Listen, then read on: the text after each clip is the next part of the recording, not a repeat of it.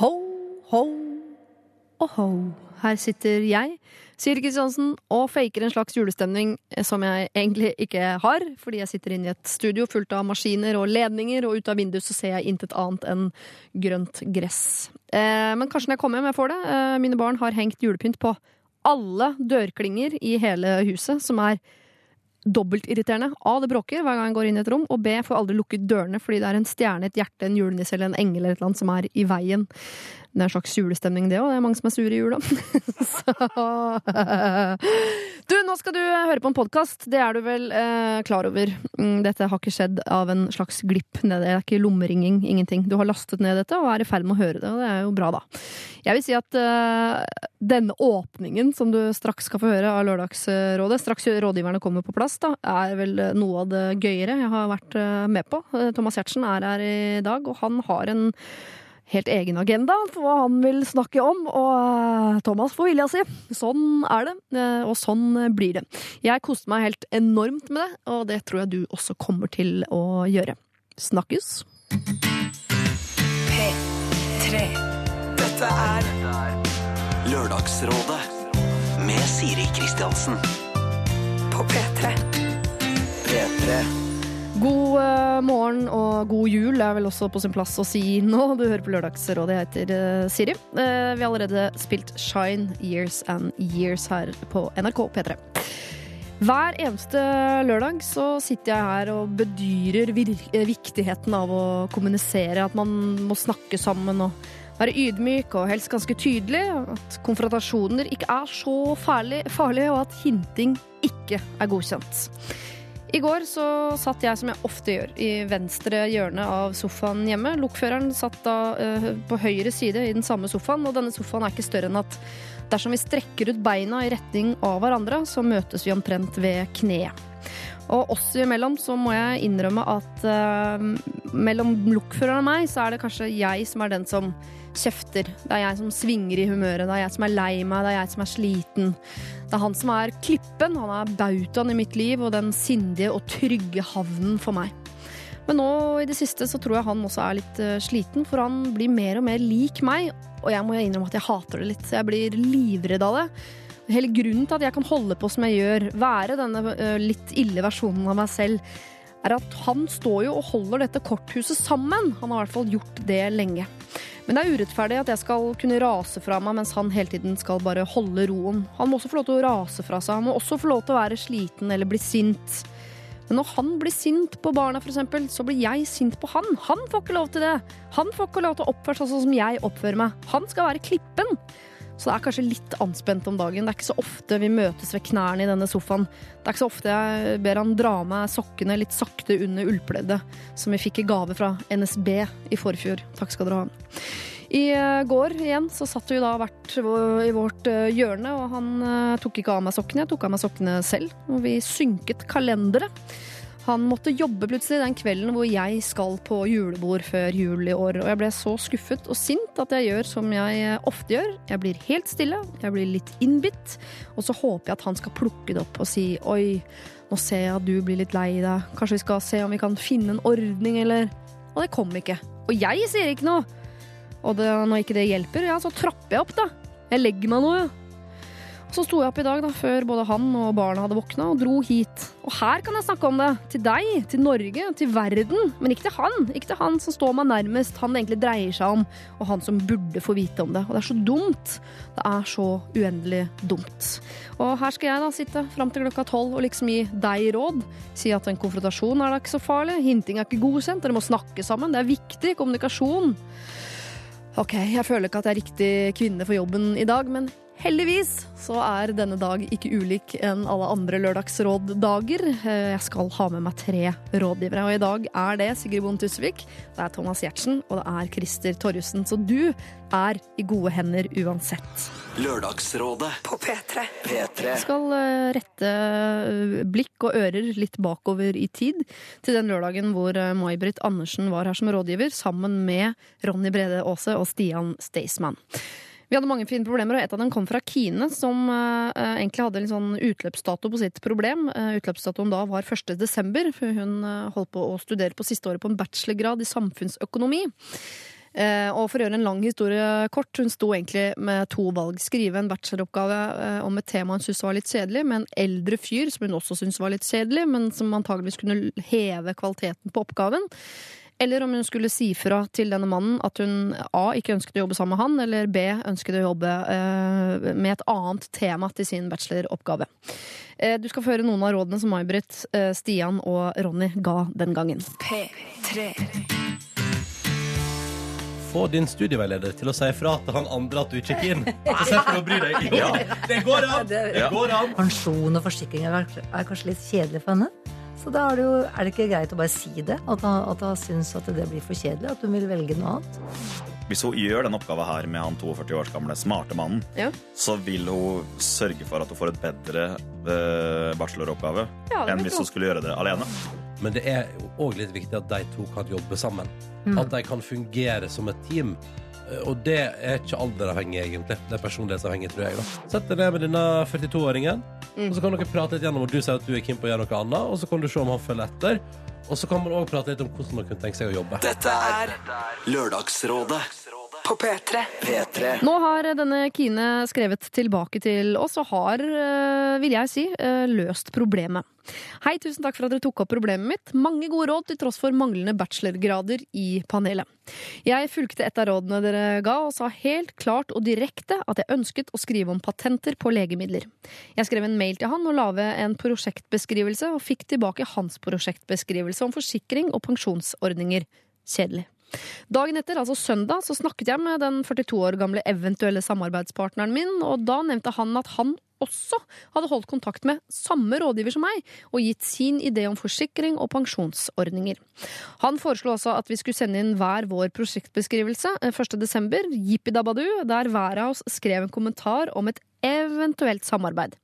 Dette var greit for rådgiveren så lenge vi hadde minst én god problemstilling klar. Jeg tolker det som et tegn på at han er litt skeptisk til å skrive om patenter. Så nå har vi egentlig utsatt problemet litt lenger. Vi har nå hele desember på å bestemme oss om vi har lyst til å skrive oppgaven om patenter sammen, eller om jeg skal skrive min oppgave og han skal skrive sin. Det verste som kan skje, er at jeg skriver oppgaven om patenter med en klok og eldre mann som kan løfte kvaliteten på oppgaven til et høyere nivå enn hva jeg eventuelt ville klart alene. Jeg skal uansett ikke skrive om forsikringer. Med vennlig hilsen eh, Kine. Da har du egentlig løst problemet. Du vet hva du vil, og så virker det som du er mer åpen enn tidligere på å eventuelt skrive det sammen med en mann som ikke er verdens kuleste på Snapchat, eller som blir med ut og drikker drinker etterpå, men han kan skrive en god oppgave. Og jeg vet at studietida handler om eh, fest for mange, men å skrive en bacheloroppgave handler vel om å skrive en god bacheloroppgave. Jeg håper dere finner ut av det, Kine. Dette er P3. Standup-komiker Christer Thorhusen. God morgen. Ja, God jul. God jul, ja. Riktig.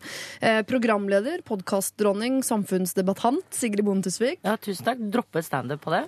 Eh, kan godt legge det til. Vil du gjerne ha det med? Ja, For det er gøy at alle driver med det. Ja. Eh, men det er, ingen som har, det er bare Christer som har fått standup-komiker.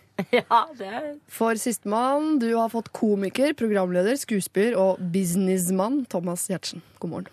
God morgen. Ville du også gjerne hatt standup foran komikere der? Eh, det eh, må jeg ikke. Nei. Men det kunne jeg Han godt har hatt. begynt med gitar, han nå. På, nå er han Du, men eh, kan jeg si en ting? Jeg synes jo, Tusen takk for at jeg får komme. Ja. Eh, jeg eh, er jo en mann på 44 år. Jeg har vært gift, jeg har vært skilt, jeg har krangla med folk, jeg har blitt venner med folk. Eh, Jeg er ikke så gammel at jeg har begynt å glemme, og jeg har ligget med noe jeg tror er over snittet i befolkningen. Ja. Med andre ord, ganske mye livserfaring. ja. Så du, Eh, Så jeg syns jo det er litt rart at eh, dette er første gangen du ringer og spør om jeg har lyst til å komme. jeg liker å fucke med øvrigheta og overse folk som er vant til å bli sett, og vice versa. Det Jo, gir men meg en indre glede. dette handler ikke om mine følelser, dette handler om hva du byr ut til seerne. Fordi eh, Lyttere du, opererer vi med. Ja, lytterne, unnskyld. Men det du gjør, er at du byr dem på erfaring fra folk som er unge, som ikke eh, OK, kanskje de har ligget med mange, kanskje de Men de har ikke Da mangler de plutselig evnen til å reflektere og se det, det som den tiden har gitt. Jeg, altså, det er så på en måte piker sånn kompetansemessig, ja, ja, ja, syns Ja. jeg, da. Ja. Eh, At jeg syns det er rart at en del andre har vært her før meg. Så jeg bare lurer på hvordan dere Er tenker når dere skal gi gi du råd. er mest sår på? At han Stian i Stian og Lass Dette handler ikke om sår eller noe sånt. Dette er en helt sånn rasjonell vurdering av hva eh, dere byr eh, lytterne. Og dette er jo tross alt lisenspenger og alt det der. Og disse diskusjonene har vi jo hørt. Men da må dere på en måte strekke dere etter Ja. å gi La oss ta Ida Fladen eller Stian fra Stian, altså Staysman som eksempel, som jeg tipper har ligget med flere enn deg, Staysman og Thomas. Lasse Paradise Stian. Han som blir så tynn, dessverre. Ja, dessverre. Jeg, jeg tipper det har ligget med flere enn deg. Hvis det er Det, det, det eh, ja. er helt greit. Eh, De har nok ikke vært skilt og den slags, men eh, Stian har jo for eksempel vært i Afghanistan som soldat. Det har Ja. ikke du. Um, og dessuten så tror jeg Og det er jo gjenstår jo å se. Altså, De er bare utrolig gode på å sette seg inn i hvordan det er å være 17, for eksempel. Noe jeg du, tenker at du, mann 44, kan ha glemt elementer av. I all denne liggingen din og skilsmissen og det greiene. Kan jeg stille Thomas et spørsmål? Det, Mistenker du at du er leid inn her pga. å få opp høyere humorkontingenten? Som er Du er den mest høyere i standup-miljøet. Altså, du er kvota inn fra Kringkastingsrådet. Det er ikke jeg som ringte. Nei, jeg, det, jeg, Ja, for av alle. men hva så må jo du være du, dette på? Baserer du dette på fakta eller på synsing? Synsing. Eller, Fordommer, ja. Hva? Fordommer er Synsing. vår Fordi fakta. jeg har jo stemt veldig mange partier. Ja. Ja, du Og igjen erfaring her, der igjen, her har vi erfaring. Jeg har også erfaring med å plukke ulike stemmesedler. Jeg har Ja. satt meg inn i ulike partier og deres programmer, deres perspektiver, ikke minst også de sosiologiske Ja, aspektene veldig knyttet til å føle seg som en på venstresiden, eller føle seg som en på høyresiden. Kjent på alle de følelsene her. Altså, så, så, så, så det er ikke noe endimensjonalt høyreperspektiv er vi skal få her. Her kan Men jeg hoppe og lett og ufortrødent mellom de ulike posisjonene. Jeg sa til deg for noen år siden, Thomas, da spurte du hva jeg hadde stemt. Det var rett etter et, eh, et stortingsvalg, og da hadde jeg stemt enten Venstre eller SV. Jeg husker ikke en av de to. Da sa du å ja, ja, ok, ja, Eh, så du liker å, å gå inn i en sal, du da står på en scene og har et show, og så når showet er ferdig, så tar du hele hyra di, og så deler du den ut til publikum. Det er det du vil. Det er det du vil, sa du. Sa jeg det? Ja, det sa du til meg. Men uh, OK. Uh, det, dette sitatet kan jeg ikke huske. Nei. Uh, men det stemmer jo litt dårlig med Venstre, da. Ja. ja, da stemte jeg vel SV da, det året. ja, det må det ha vært. Må ha vært SV det året. Da, Så allerede her rakner det på hukommelsen, så nå begynner vi liksom å Dette bildet holder ikke helt vann. Nei, vi er ute og kjører. Dere, eh, Vi må gjerne snakke om politikk og hvor mange vi har ligget med. Alt det der, alt er lov til å, snakke om eh, her. Selv om jeg hadde sett for meg at vi skulle snakke litt om litt sånn som alle gjør for tiden. Både på jul og, og nei, både på radio og TV. Altså, Hvilket forhold dere har til jula. Er dere lei, er dere rute, osv. Ja. Men det er virkelig tannløst nå. Ja, Og så er det gå for over til det. Ja, det ble veldig, en veldig sterk åpning. Ja. Eh, Og jo, jeg har jo ikke, er jo ikke her for å snakke om meg selv. Jeg er jo, dette er jo bare for å ha i bak, som et bakteppe når jeg skal sette deg. sette meg inn i andres eh, Ja. problemstillinger. Men da For kan det er jo det som er fokus her nå. Vi kan jo ta en runde på det. da, Det gjør vi jo av og til. Hvor mange vi har Eh, ligget med? Nei, det kan vi også godt uh, gjøre. Men jeg tenkte heller å høre hvor vi ligger sånn konfliktskyhetsmessig på en skala fra én til ti, der én er oppsøkende og ti er eh, nei, helst ikke aldri i livet. Eh, hvor er du der, Christer, igjen? Var én veldig også oppsøkende. Ja, Da oppsøker du konflikter. Ja, jeg kan vel si at jeg er på en treer der, altså, som vanlig. Ja, og det er både eh, hjemme og i jobb. Nei, ikke så mye og- hjemme. Ikke så mye. Nei. ute. Men også på restaurant. Ja, jeg er også ute blant folk. Hvis det er ting jeg finner urettferdig eller teit, Ja. så går jeg ikke av veien for å si fra. Men hjemme så er jeg veldig forsiktig. Ja. For jeg er gift med en veldig sterk kvinne som jeg ikke legger meg ut med. Sigrid, eller? Er det Sigrid? Nei, det er ikke Sigrid. Eh, Det kunne ha vært det, Det vært. men eh, det ble ikke det. Nei, det er ikke det denne gangen. ganske streng. Ja.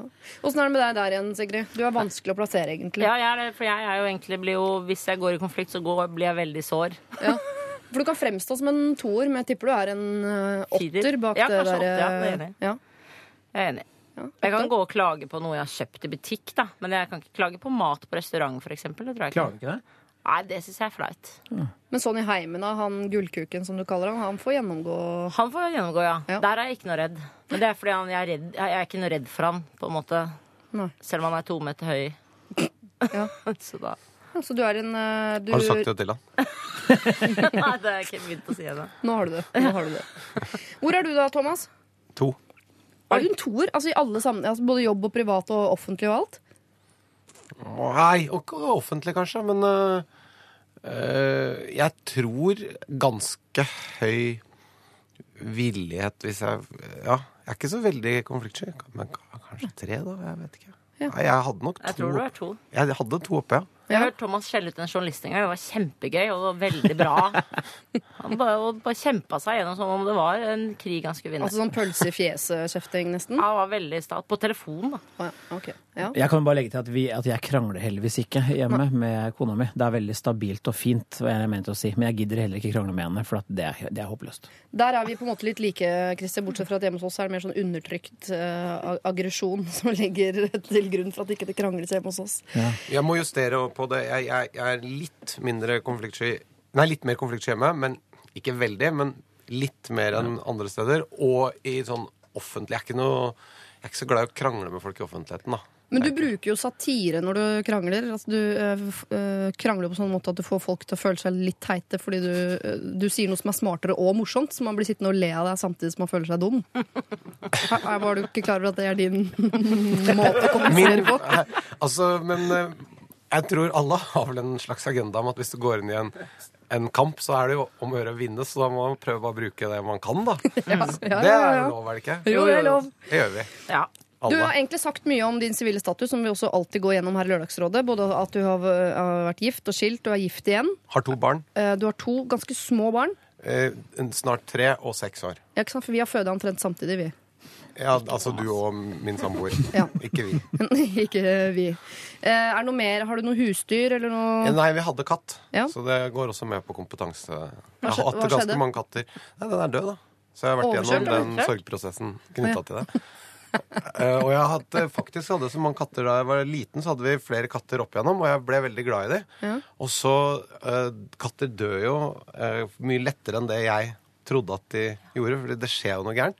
Så etter hvert så ville jeg ikke ha katt. Ikke fordi jeg ikke likte katter, men fordi jeg ble så lei meg hver gang de døde, så jeg orka ikke å involvere meg. det rett og slett. Ja, da er gullfisk ikke noe for deg, da, for å si det sånn. De dør jo en gang om dagen omtrent. Man kan jo ha katt uten å knytte seg følelsesmessig til den. det går det er altså an. Ja, En det har ikke utekatt. jeg, det har, ikke- ja, det har ikke jeg greid. Nei. Nei. Åssen er det med deg, Christer? Er det noe fortsatt stabilt gift? Fortsatt stabilt gift. Eh, Det er siden sist spilt julelatterforestilling nummer 40. Ja. Vært hos urolog. Det er det dramatiske som har skjedd siden sist. Eh, fant de noe som ikke skulle være inn i tissen? Det er ikke der. De går opp eh, andre der det ikke er mye sol. Å ja. Ja. Fant de noe som ikke skulle være der, da? Alt fint. Jeg skal leve litt til. Ja. Ja, for menn i vår alder, jeg sier vår, for Thomas er her, mann 44, jeg er 45, man må ta den sjekken en gang iblant. Og det gjorde jeg nå. Og alt er prima. Når var det sist du gjorde det? Det er nøyaktig halvannet år siden. Ja, Og du liker det litt, du. Hæ? Du nei, liker det litt? nei, jeg gjør ikke det. Men jeg har fått en sånn gammelmannssykdom som heter prostatitt. Oi. Og det høres ut som noe du har i gjærbakst. Ja. Ja. Ja, 4 dl mel og en teskje prostatitt. Men det er ikke det. Det er prostatakjertelen som utvider seg. Og den kan um, når den er, liksom utvider seg, så sprenger den liksom på systemet nedentil Ja. og kjennes ut som Oi, nå har jeg testikkelkreft. Men det er ikke det du har. Nei. Du har bare en dum Prostatitt. kjertel. Som, eh, og når den nå i mye sånn stress og jobbsammenheng, så, da kan den plutselig sånn vopp ut igjen. Og da tenkte jeg nå må jeg til eh, herr doktor. Ja, det og da, blir rart. Så gjorde jeg Men den undersøkelsen det foregår rett og slett på veldig gamlemåten. Det er med fingeren, ikke sant? Det er den gamle gode måten, altså. Ja. Det er å ligge på slaktepapiret og trekke bena godt opp under seg, fosterstilling, og så venter man. Og så Ja, det er fort gjort. Så selv i 2015 så bruker de fortsatt da. De bruker fremdeles gamle har, der har vi ikke kommet noe videre De enn fingeren. De gidder ikke. Nei, vi har jo ikke det. Trond-Viggo Torgersen sier jo om en sånn endetarmsundersøkelse at det er egentlig et fint bilde på livet. Eh, fordi eh, det skal gjøre litt vondt, det skal være mye motstand. Eh, og som oftest skal du være grei og gi det tid, eh, men noen ganger så må man presse på litt for å, å komme igjennom. Ok, Men uh, er det hele livet? Ja. Jeg syns det var en veldig snever forståelse av livet. For en allmennmedisiner så er det eh, selve livet, rett og slett. Ja. Som jo Trond-Viggo er Men det var lite glede, lite Det var mange er dimensjoner som, uh, som jeg syns var borte. Bare spør Christer. Det er masse glede også når man blir vant til det. Men det som er rart, er å, å prate om show og scene og, og, sånt, og entertainment mens man blir fingra. Det er veldig rart. Ja. Det, fordi du, du Det er jo har- bedre enn at du hadde stått med sånn tung pung på julelatter Ja, men du, nå. Du, ligger, er du, du sier liksom sånn. Nei, men det går, det går veldig fint. Det er jo klart det er mange forestillinger Ja, for Det er rart med tannleger som skal snakke når man har bomullsdotter i munnen. Men det er litt rart med de legene som har en finger i rumpa di mens de prater og skal ja. Men vet du hva, det her høres ut som er en veldig omstendig sak. Det er liksom fort inn, fort ut, ferdig. Ja. Hvor så er lenge cirka er Når han har kommet inn, hvor lenge cirka er han Da graver han rundt i en sånn type fem, seks, sju sekunder og sier han sånn Ja, her er det, her er alt fint. Her er det ingenting, og blodprøvene dine viser altså bare, bare bra. Og så her er papir. Vær så god. Og det er, for det, det er ikke en kreft du har der, det er bare en sånn utvidelse av den. Det har ikke noe med kreft å gjøre. Nei, men du kan få prostatakreft hvis du ikke sjekker opp dette regelmessig, Thomas. Ja, jeg vet det. Og jeg, Du er midt Du er i i målgruppa. Ja, jeg er klar over det, og det skal selvfølgelig undersøkes. Kan du ikke bare skrive inn det i Helt perfekt episode, så får du sjekket det samtidig som du Får filmer? skrevet av skatten. Og så vi tar det, Da tar vi det for sjette gang. Nå skal vi ha et totalbilde av dette her. Da, da tar jeg det bare privat, for da blir det feil. Eh, Sigrid, din sivile status må gjerne legge til noe endetarm også der, for jeg vet at du også har slitt med den. Ja, ja, Ja. ja. Nervøs tykktarm er veldig riktig å ha i vår bransje. Ja. Men Hva, eh, hva er det? Nei, det er noe sånn der du Istedenfor at du har vondt i ryggen eller migrene, liksom, får du litt sånn der tarmen bare Jeg skal på scenen, og så må du sitte og tenke på den. Men, hva, ja, men jeg, dette skjønte jeg ikke. Hva skjer være med tarmen? Nei, Den kan bli helt løs, helt hard, bare på sekundene plutselig løs. Tarmen. Eller det er inni tarmen, da. Ikke tarmen ut. Altså det vi kaller for løs mage. Ja. Eller hard mage. Ja, ja, Jeg skjønner, jeg skjønner. Mm, det er Men den har roet seg helt ned nå. Nå har jeg blitt veldig god på å kjenne tarmen. Hold meg unna tomat og løk, for eksempel. Det er veldig lett. Å, Hvordan kom du fram til- hvordan kom du fram til det? Det sa Volvat til meg. Det må du bare gjøre, sa de. Men bare de, de kom med stalltipset tomat Ja, og løk. Ja. Tomat og løk må du droppe da. Så dropper du det. Kaffe må du droppe, og så er du i full gang igjen. Aldri kaffe? Nei, altså akkurat da, da, hvis du vet at nå er det premiere, nå må du ja, sånn, være ja, ja, ja. flink og ikke drive og Ok, Kjære Chatreklubben 2015. Ja. eh, hvor Det var min sivil- sivile status, Du, du har en eh, mann du har giftet deg med uten at noen fikk komme i det bryllupet. Ja. Eh, du har eh, et barn og ett til på vei. Ja. Når er det det kommer igjen? Det kommer jo da ut av tarmen 19. mars. 19. mars. Den kommer jo veldig eh, Ja, Ja, du skal føde veldig den veien. 19. Det kjenner, mars. det kjennes sånn ut. Og du bor i andre, annen etasje hos foreldrene dine. Ja, Jeg jeg, bor sammen med mamma og pappa. Ja, Ja. det er viktig. Ja. For jeg er veldig knytta til de, da. Ok, Så vi har egentlig tre veldig etablerte folk her i dag. Alle har dere små barn. Det er ingen som har tenåringsbarn, selv om vi jo alle fire kommer til å stå midt i det om noen år. Og straks nå så skal vi ta en snarvisitt innom nettopp problemene ved å ha tenåringsbarn i hus. Men først får vi Father's Eyes. Dette her er Ask Embla.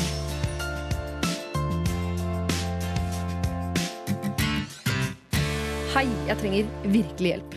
Jeg har en tenåringsgutt som har bestilt ting han ikke burde, altså alvorlige, ulovlige saker, eh, på nett. og Derfor så åpner jeg og sjekker posten hans av og til. Veldig sjelden, altså jeg har gjort det tre ganger eh, hvor jeg har hatt muligheten. Det er ingen løsning å få han til å åpne posten foran meg, for det nekter han bare. Det er eh, stort sett han som henter posten, og han vet ingenting om de gangene jeg har gjort det for han. Så til problemet. Nå har jeg kommet over en skikkelig klein ting, noe som sikkert er litt spennende for tenåringsgutter. Det er sexrelatert, eh, og det er ikke kondomer, men litt mer sånn ting han sikkert syns er litt spennende. da. En ting han kan bruke for seg selv på rommet sitt i det skjulte. Jeg fikk sjokk når jeg åpnet pakken, men roet meg etter hvert ned og tenkte at dette er sikkert helt vanlig for gutter i den alderen, og jeg gjemte den fort bort. Og nå spør han stadig om, jeg, om det har kommet en pakke til han i posten, og jeg sier nei. Og jeg kan jo ikke for all del fortelle han uh, at jeg har åpnet den pakken, uh, og han går og venter. Skal jeg kaste den, så blir jo det litt mistenkelig. Skal jeg pakke den inn i nytt, på nytt, så blir jeg jo avslørt. Og dette er jo bare kleint. Jeg vil jo for all del ikke at han skal få vite om dette, for det blir forferdelig for oss begge. Det beste hadde vært om jeg bare kunne lagt pakken inn på rommet hans uten at han kunne se at den var åpnet, og late som ingenting. Hva syns dere jeg skal gjøre her? Pia. Først sier hun at han har bestilt ulovlige ting, Ja. og nå var det sexleketøy. Ja. Ok, så det er begge deler. Ja, det virker som hun syns dette Så hun er vanskeligst å, å Ja. på en måte, Hvis det er ulovlig, om det er kastestjerner eller hasjis eller hva det er for noe, så kan man på en måte kjefte. Skjønner. Men du Ja, kan ja, ikke ja. kjefte for en oppblåsbar dukke eller hva det Eller måtte en være. gummislufse av noe slag. Ikke, eller det jeg nå har lært at heter en termos. Ja, ikke Mm. sant? Eller, eh, ja, riktig. Lommelykt. Lommelykt var det. Mm. Ja, ja, men Ja, skjønner. lommelykt. Flashlight, vet du. Kommer i lommelyktforpakning. Ja.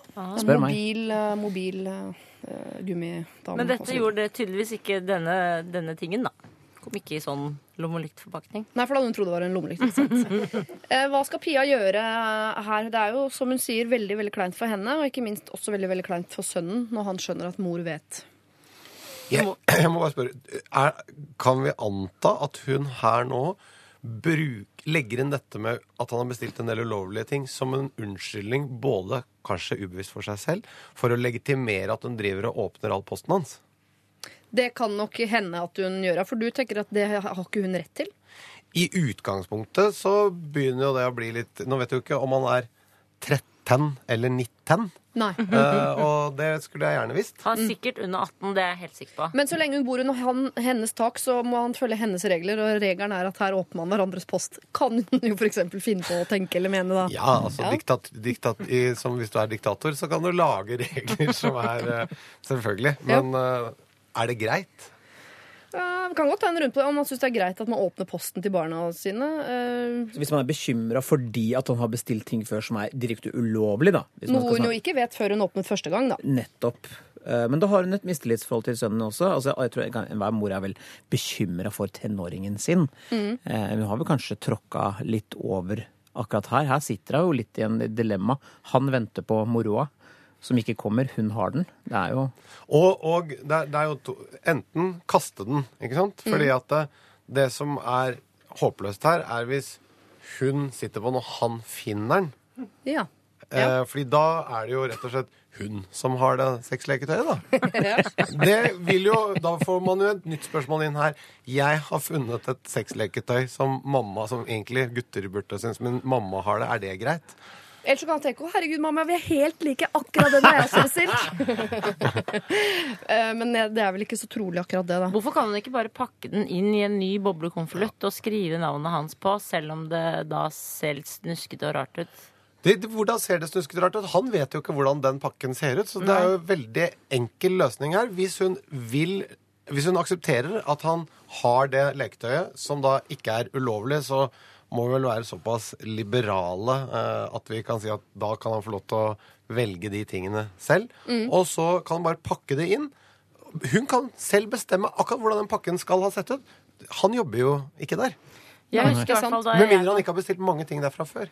På ungdomsskolen var det veldig vanlig da jeg gikk Jeg gikk jo opp på Nordstrand, på Brannfjell, en ganske hardcore eh, ungdomsskole. Vi fikk alltid sexleketøy av de andre guttene i klassen. Fingeren og Henrik Thodesen og alle de ga oss alltid Alle jentene fikk sånn kondomeripakker. Ja. Det var en veldig tendens. i Eatable underwear og sånn. ja, Ja. syvende og åttende klasse. Nei, det var mer sånn vibrerende egg og sånn. Ja. Det pakket jo jeg opp, for jeg var jo veldig naiv og nerd eh, på ungdomsskolen. Eh, så jeg pakket jo det opp i full offentlighet foran moren og faren min på julaften. Som er offentlige personer. Ja, Ja. så da eh, Og det var en veldig sånn rar følelse, for da ble også mamma og pappa sånn Ja, OK, men hva skal vi gjøre med dette?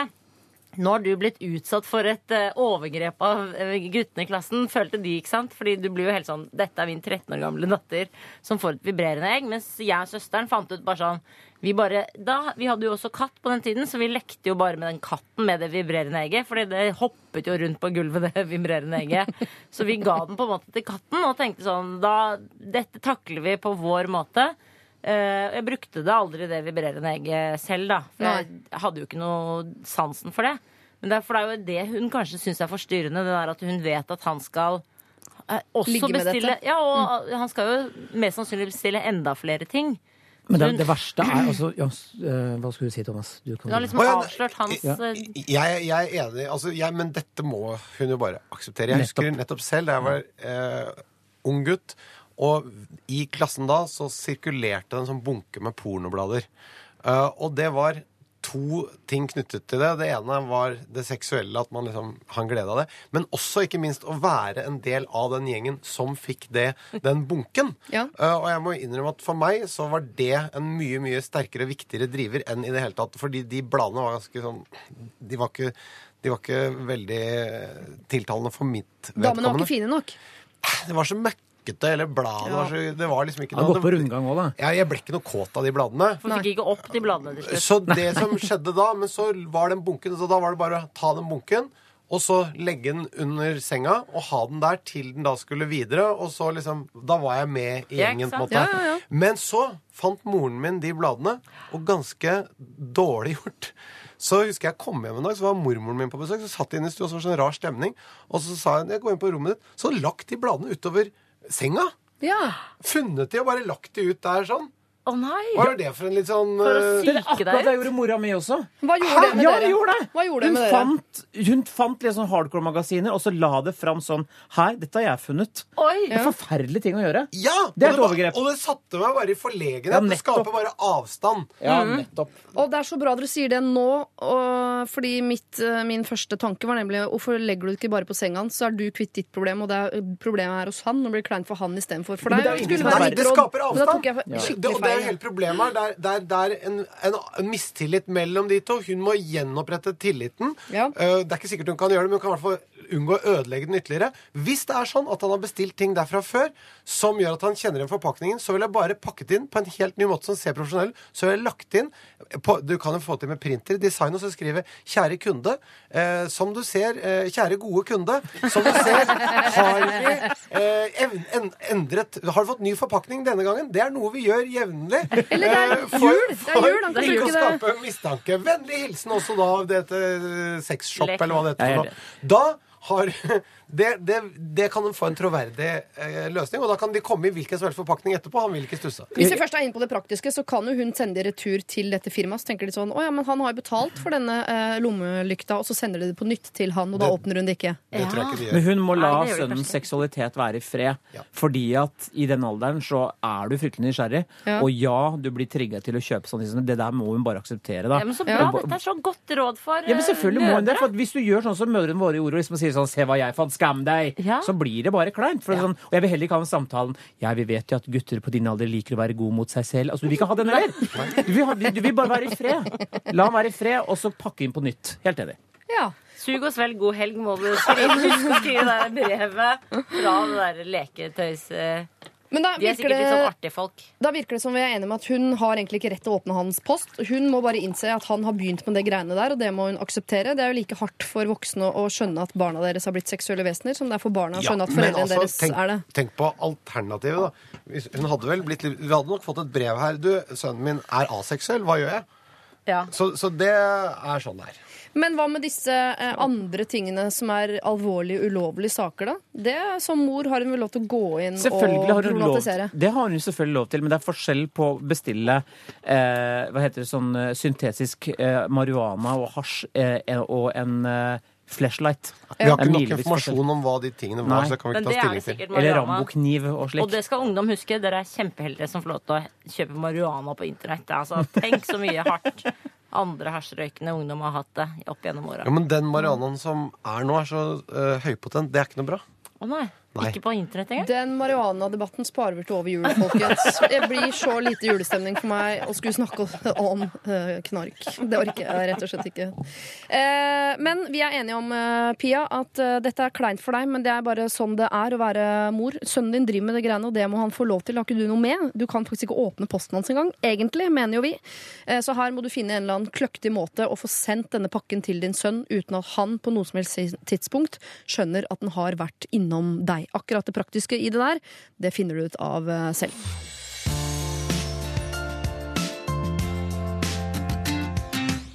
Hei, kjære kloke Lørdagsrådet. Jeg er snart 46 år og har en mor på 82. Hun er verdens snilleste mor og bestemor, og jeg gjør hva som helst for henne på hennes eldre dager. Helsa hennes har skranta litt de siste åra, men hun er 100% klar i hodet. I og med at familien vår er spredt inn- og utenlands, har hun opprettet en Facebook-konto for å holde kontakt. Jeg hjalp henne å komme i gang, men det skulle jeg nok aldri ha gjort. Mor er nøye med å skrive bursdagsmeldinger til sine familiemedlemmer på veggen deres, og spesielt til sine barnebarn. Det er litt pinlig for en ung jente som i tillegg til bursdagshilsen også får en oppdatering om at avføringspillene endelig har begynt å virke, og, eller litt sladder om hva som skjer i blokka der hun bor, osv. Den største utfordringen er at jeg kan få en to-tre telefoner per dag, hvor hun har ikke klart å logge seg inn. Eh, Og mor elsker Facebook, men jeg har nå blitt hennes faste IT-sjef, som stadig vekk må søre ut til henne for å rydde opp når hun har problemer.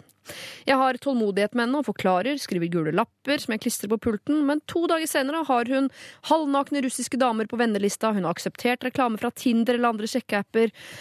Jeg har satt hennes innstilling slik at kun venner skal se poster hun legger ut, men noen dager senere har hun klart å endre det til at ting nå ligger public. Jeg elsker moren min overalt på jord, og det gjelder også for andre i familien. Hun er den siste vi ønsker å såre, men noe må skje.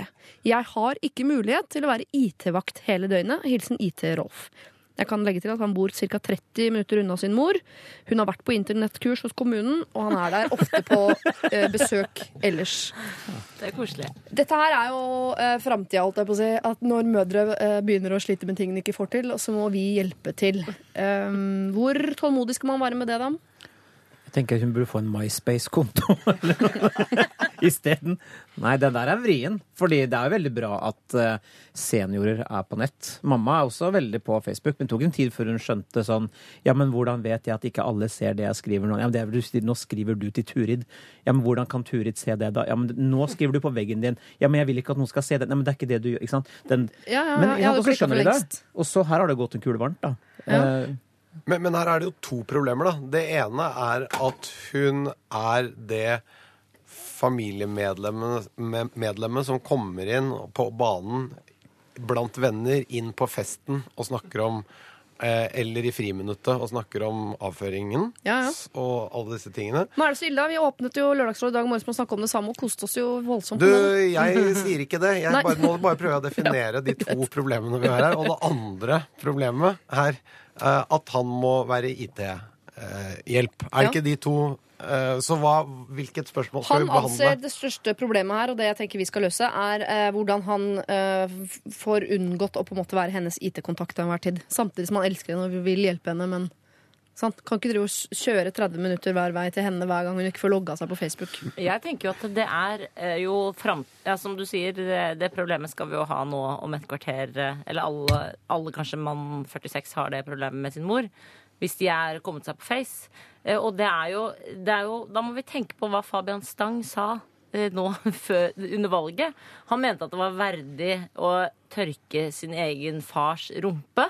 Og Ja. mente at det skal man huske på når man da at det er veldig verdig og det er viktig å ta vare på de gamle. Det mente jeg var, Da mener jeg at Høyre tapte, tror jeg, på den, det utsagnet der. I, I Oslo i hvert fall. Og Miljøpartiet De Grønne var sånn vant på at man skal heller sykle enn å tørke sin far i sin egen eh, bak. Ja. Men det er nemlig problemet nå. Problemet hans er at moren hans er på Facebook og maser litt. Ja, ja, ja. Det er et veldig lite problem i forhold til kanskje hva man måtte da for 50 år siden gjøre med disse gamle, som var så mye mer skrøpelige. Nå er hun bare litt skrøpelig på Face fordi hun ikke skjønner helt sjargongen på internett.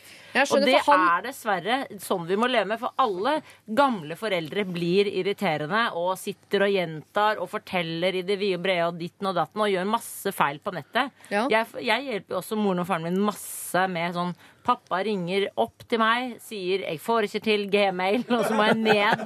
Og så sier han ja, men du har trykket på en pil, så all, hele den derre toolbaren oppe har forsvunnet. Å ja. Og så går vi liksom opp, og da har han ja, da har de kranglet nede i flere timer og kjefta på hverandre. Det du sier, er at vi må faktisk bare trå til. Du må Ja, men du bor i samme hus, du bor ikke 30 minutter unna. Så det vil si at det tar ikke deg en time bare i transport hver gang du skal eh, hjelpe far med Gmail. Men jeg tror det er irriterende generelt for folk at eh, foreldrene ringer og er, ikke skjønner eh, internett og teknikk. Ja. Det, det er irriterende, men vi lever da i en tid der vi slipper så mange andre ting og ekle ting, bortsett fra da Fabian Stang tydeligvis, som må gjøre ekle ting. Men vi andre slipper det. Ja. Eh, Så da syns jeg man skal tåle det å ha en irriterende mor. Og, hun, og man må også da tåle som 13-åring at bestemor skriver om avføringspiller på eh, Facebook. Fordi hun 13-åring skal gjøre så mye dumt på Facebook framover i sitt liv. Antagelig. Så eh, her er det Og bare vår generasjon, hvor vi kommer til å sende snap av vår avføring. Altså når vi kommer dit. Så bare kan man ikke tenke seg at Kan man ikke bare tenke seg at du, eh, jeg skal Han her sier han elsker mora si og vil Ja. gjøre hva som helst for henne. Det er jo da ikke Innenfor rimelighetens grenser. Ja, ikke engang det. Han vil jo begrense Ja. internettsupporten. Ja. Eller Facebook. kan man ikke bare tenke seg du, jeg eh, har eh, syns det er riktig og vil gjerne bruke så og så mye eh, tid på og med mine foreldre, så er det jo litt hvis hun har lyst til å disponere den, at det skal vi gjøre på Facebook, eller hva Jeg mener, du skal gjøre noe som potensielt, om det er å bære eller å komme og snakke om noe annet kjedelig, eller som du i utgang, altså potensielt, ikke nødvendigvis, men potensielt ikke liker. Så det er egentlig bare rett og slett Du, jeg har øh, ganske mye tid til deg. Det kan vi bruke som gjør noe, gir noe bra for deg. Tenker jeg. Litt i forlengelsen av det du sier. Så da tenker jeg at eh, ikke gidd å fyre så mye opp at det er kjedelig med den. For det er masse andre ting som er kjedelig med gamle damer. Ja, for jeg tenkte i utgangspunktet sånn eh, IT-Ralf her har jo eh, litt dårlig samvittighet på en måte, fordi han tenker at han vil være en sånn fyr som er til stede for moren sin, som man forventer at uh, når de blir syke, så skal man være der for dem og sånn. Uh, men hun er ikke syk, hun har problemer på internett. Så egentlig så hadde jeg tenkt å si sånn, dropp å hjelpe henne med internett. Det betyr ikke at du er en dårlig sønn, for den dagen hun blir syk, så kommer du til å være der. Men kanskje vi skal snu på det. Vær her masse nå som hun har IT-problemer. For den dagen hun blir syk, så har vi et helseapparat som kan ta seg av det Ja. greiene der. Det Og hun du. har åpenbart et sosialt behov. Det er det. Ja. Så det er jo det grunnen til at hun er så opptatt av Facebook. Og da er jo at han da kan avlaste med litt kontakt, om den så er å snakke om datateknikk. Det er ikke så farlig poeng at da får hun jo eh, også fylt et behov for kontakt. Og det blir jo enda bedre enn den tiden hun er på Facebook. Så at hun har litt tid og problemer knyttet til å komme seg på Facebook, som da genererer ekte sosial kontakt, kan være en fin avlastning fra den Hvis dette hadde gått helt smertefritt, hun satt bare med huet inn i den skjermen hele tiden. Kan jeg komme med et lite sånt tips på tampen? Ja. Hvis han ber moren sin pent, kan jeg få lov til å låne passordet ditt, så jeg kan bruke det i tilfelle det kommer ut noe, f.eks. at det er noe sånn Ja, det legges ut noe greier som ikke skulle vært der. Så trenger ikke han reise 30 minutter. Da kan han gå inn og gjøre det fra sin maskin og si sånn Mamma, jeg sletta den greia, men den der eh, russiske stripperen som søkte etter uh, menn, veldig, veldig kåte norske menn. Det var smart. Ja, så Det For er kanskje én måte å gjøre det på. Ja, Pluss at han kan jo hjelpe henne også der uten at han må reise til henne. Altså, Facebook Sånn er jo på internett, så vidt jeg vet. Samtidig som jeg også, når det gjelder da dette, disse litt tingene som de syns er litt flaue, som hun gjør, det ville jeg prøvd i så lang utstrekning som mulig å snu til noe positivt. Vi har en jævla morsom bestemor eh, som faktisk skriver ganske mye gøy, og det er jo gøy at hun, Livet er ganske kjedelig. Mange har mye kjedelige mennesker rundt seg. Ja. Har en sånn tråkmann. Det er gøyere da å ha en bestemor som deler litt om eh, avføring og eh, legger ut litt rare poster. Er ikke det litt gøy? Ja? Jo, Det er masse russiske halvnakne damer som venner og Nei, men liksom, Jo, men det skjønner er altså, bare snu litt på det. Tenk, fader, her er det jo fantastisk gøy. Hadde eh, den gode, gamle talkshow-verten David Letterman hadde tatt inn på TV, for det hadde vært gøy, liksom. Ja. Tenk sånn på det. Det er en gave, denne bestemoren. Ja. IT-Rolf, du er veldig veldig glad i mammaen din, og da må mammaen din få lov til å være sånn som hun er. Det er jo antageligvis en av de grunnene til at du er så glad i henne som det du er, og de andre i familien også, som du sier eh, selv. Jeg skjønner at det sånn praktisk kan være litt irriterende å være IT-kontakt eh, to-tre ganger om eh, dagen, men se på det som en investering rett og slett i det forholdet. Se på det som sosialisering, og tenk at dette er bedre enn det man måtte hjelpe til med i gamle dager, og kanskje du slipper det, rett og slett. Lykke til. Kos deg sammen med mamma. Lørdagsrådet med Siri Kristiansen. På P3. P3. Vi har vært på en eh, musikalsk liten eh, reise eh, innom House of Pain her med sin Jump Around, og før det altså Adele med sin Hello. Vi skal ta et problem her i Lørdagsrådet som er av den tunge sorten, så jeg anbefaler jo dere rådgivere Sigrid Bonde Tusvik, Thomas Giertsen og Christer Torjussen å høre godt etter. Kjære rådgivere. Sommeren 2015 mistet jeg min bestevenninne til selvmord, etter at hun hadde hatt et veldig tøft år. Dette var mest sannsynlig noe hun hadde planlagt godt, ifølge helsepersonell og andre som fant henne. Etter at hun døde, eh, var det familien, moren først og fremst, som tok ansvar for alt hun eide. Hun har dessverre ikke vært den beste moren for min venninne. Min venninne skrev mye, hun hadde dagbøker som hun skrev i hver eneste dag. Da vi kom til leiligheten hennes, så vi at alle bøker hun hadde skrevet i, var fjernet. Kjæresten hennes spurte moren hvor alle dagbøkene var blitt av, men da fortalte hun at de hadde hun ikke sett. I tillegg ga moren kjæresten skylden for det som hadde skjedd, og han fikk ikke lov til å besøke graven hennes, osv. Det ble masse unødvendig tull, rett og slett. Etter alt dette tok vi som venner og kjæresten avstand fra moren og ønsket ikke mer ljuging fra henne. Noen måneder etter begravelsen fikk vi vite fra stefar at øh, min venninne hadde skrevet et 15 siders langt avskjedsbrev som ingen av oss skulle få lov til å lese. Mitt spørsmål til dere er kan vi ta opp kampen med å få lov til å lese dette brevet? Kjæresten hennes har tidligere fått beskjed fra politiet om at de kunne bidra med megling, siden de har skjønt at situasjonen var litt komplisert. Jeg er redd moren kommer til å nekte for alt, og da er alt godt tapt. Hva kan vi gjøre? Gina. Altså Her sitter en hel vennegjeng som, eh, som ønsker forklaring. eh, Som ønsker å lese noe av det hun har skrevet, enten dagbok eller i hvert fall dette brevet. eh, Men mor her og stefar holder tilbake. Og sånn rent juridisk, om det er mor som kan bare bestemme det, det vet jeg ikke, men de ønsker nå i hvert fall å få innsyn i dette. Hva tenker dere at vennegjeng og kjæreste her skal gjøre for å få tak i dette brevet, da, først og fremst? Christer. Jeg tror moren er jo en sånn i en sorgprosess som er ekstremt tung, og det er kanskje forsvarsmekanismer ute og går her som gjør at alt dette nå skal bare begraves, livet går videre. Sånn kan man reagere. Andre reagerer med å teipe opp dagbøker utover vegger og legge ut på Facebook. Altså alt mulig, eksponere det. Noen bare slår, seg, eh, slår det helt av. Så eh, i beste fall med tid så har kanskje en dag de får innsyn, for hun er vel juridisk sett eh, så har hun rett til å holde på det. Ja. Eh, men selvfølgelig har man lyst på svar. Eh, litt rar situasjon. Jeg bare håper at med tiden at kanskje hun løsner litt på det. Men får ikke dere inntrykk av at når mor velger å tilbakeholde brev og dagbok og late som om hun ikke engang har sett det, så er det fordi det er noe i innholdet der som hun ikke vil at skal nå andre. Åpenbart. Og det brevet kan jo fort vekk ha vært mer til venner enn det har vært til mor. Ja, men det er jo dessverre problemet med sånn arv og den som har retten først og sånn, da. Så det er jo Vi har laget de reglene. Det er veldig søtt at politiet har sagt sånn at vi kan megle, men det tror ikke jeg egentlig funker så mye. Da kan man kanskje bare bli mer uvenner. Og hun tenker at eh, man skal, hun skal i hvert fall ikke eh, dele det med noen. Så det, jeg tror man må være ganske tålmodig her. Det kan jo, fordi ting kan jo forandre seg.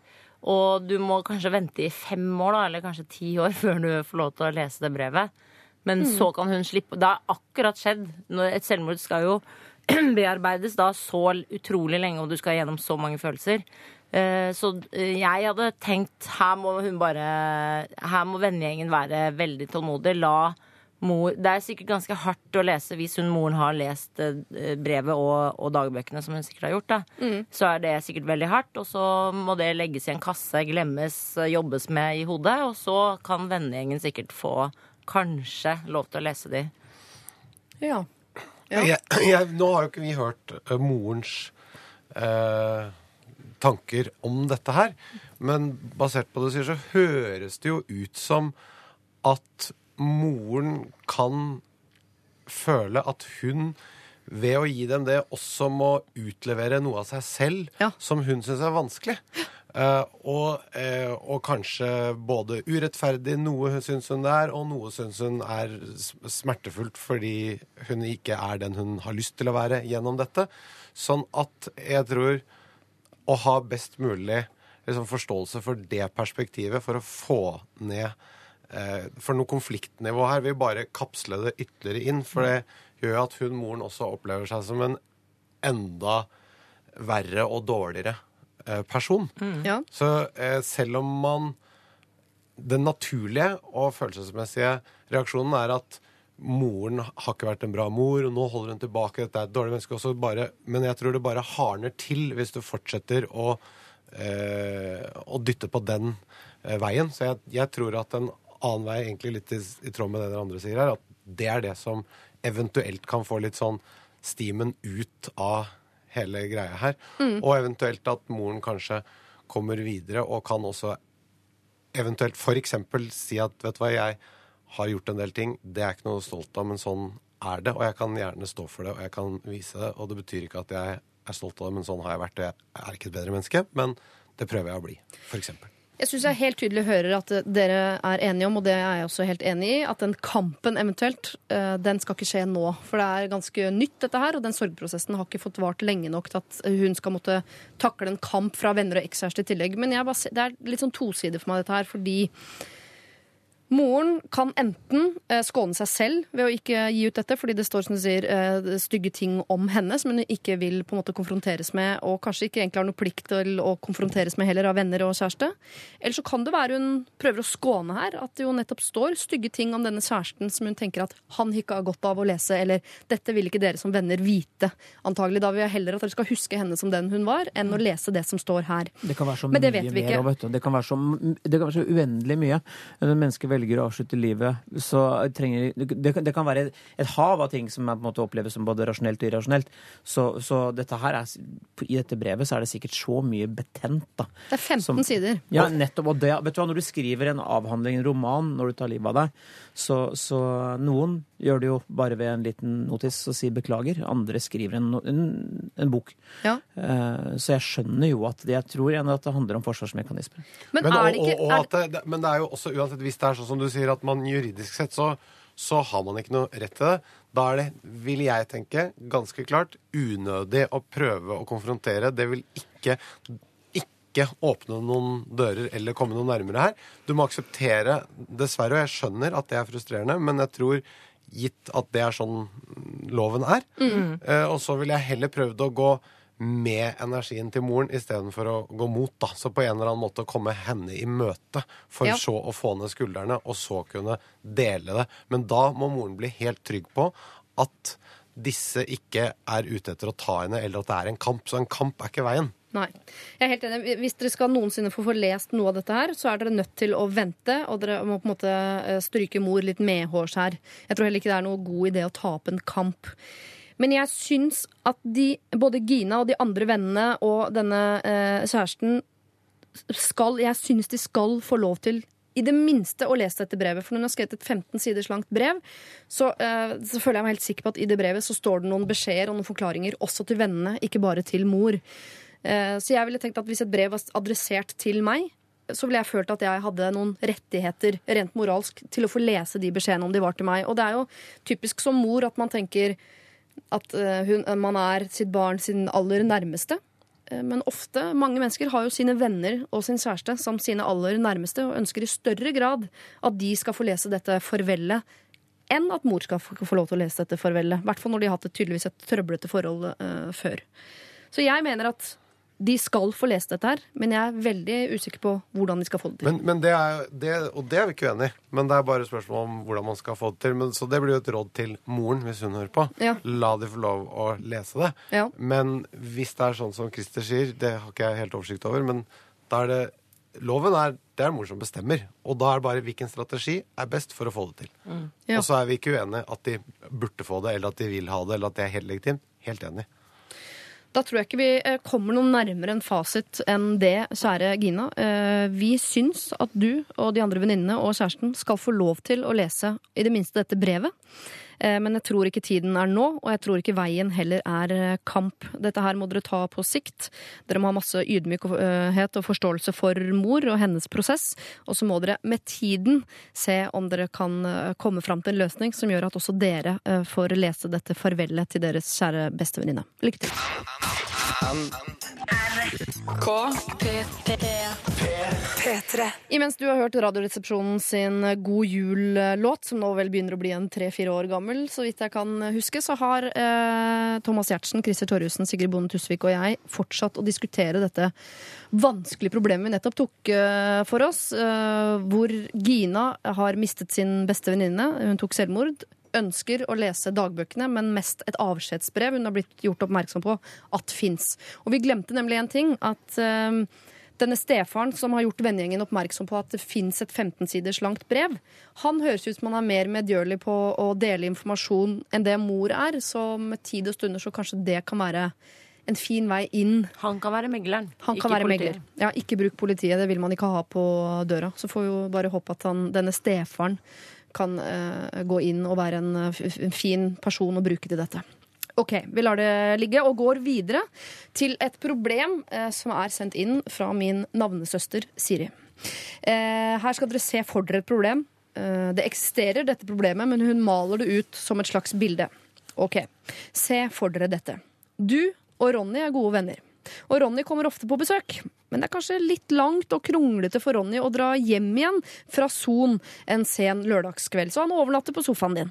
Dette er jo i og for seg veldig koselig, da. Dere har ofte overnattingsgjester, dere, og har mye besøk av venner. Samtidig har dere også en venninne som bor i nærheten, og som dere tilbringer mye tid med. I det siste har det blitt flere anledninger hvor deres to venner har truffet hverandre hjemme hos dere. Ofte ender det med at begge overnatter der. Det er jo seg selv litt, eh, dere er jo i seg selv litt skyld i denne litt tilfeldige spleisingen, selv om de begge er opptatt av at de ikke ønsker å innlede et forhold enda. Omstendighetene ligger kanskje ikke helt til rette for det heller, ettersom en av dem snart reiser utenlands for å jobbe. Kyssing og kosing i sofaen er jo helt greit, men dere har sagt at sex får de ha hos hverandre og ikke i stua med dere på naborommet.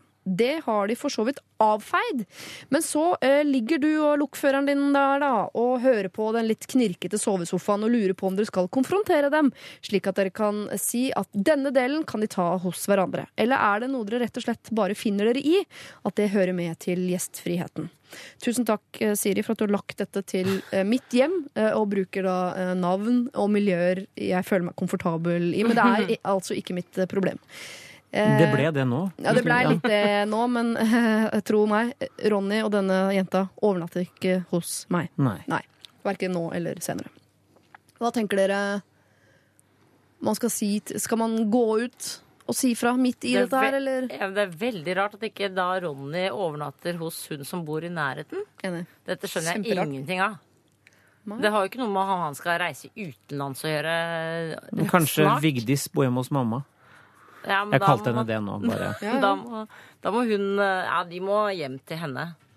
Og Det er veldig rart. Jeg skjønner ikke at egentlig noen har lyst til det. Sånn, eh, kanskje det skjer én gang, liksom, i fylla, men eh, du har ikke lyst til å liksom Å, vi bare ligger sammen her på denne så knirkede sovesofaen. Noen syns det er veldig spennende at man liksom skal gjøre ting hemmelig, og at andre kan høre det. Mens vi andre som ligger og hører på det, syns jo det er helt for jævlig.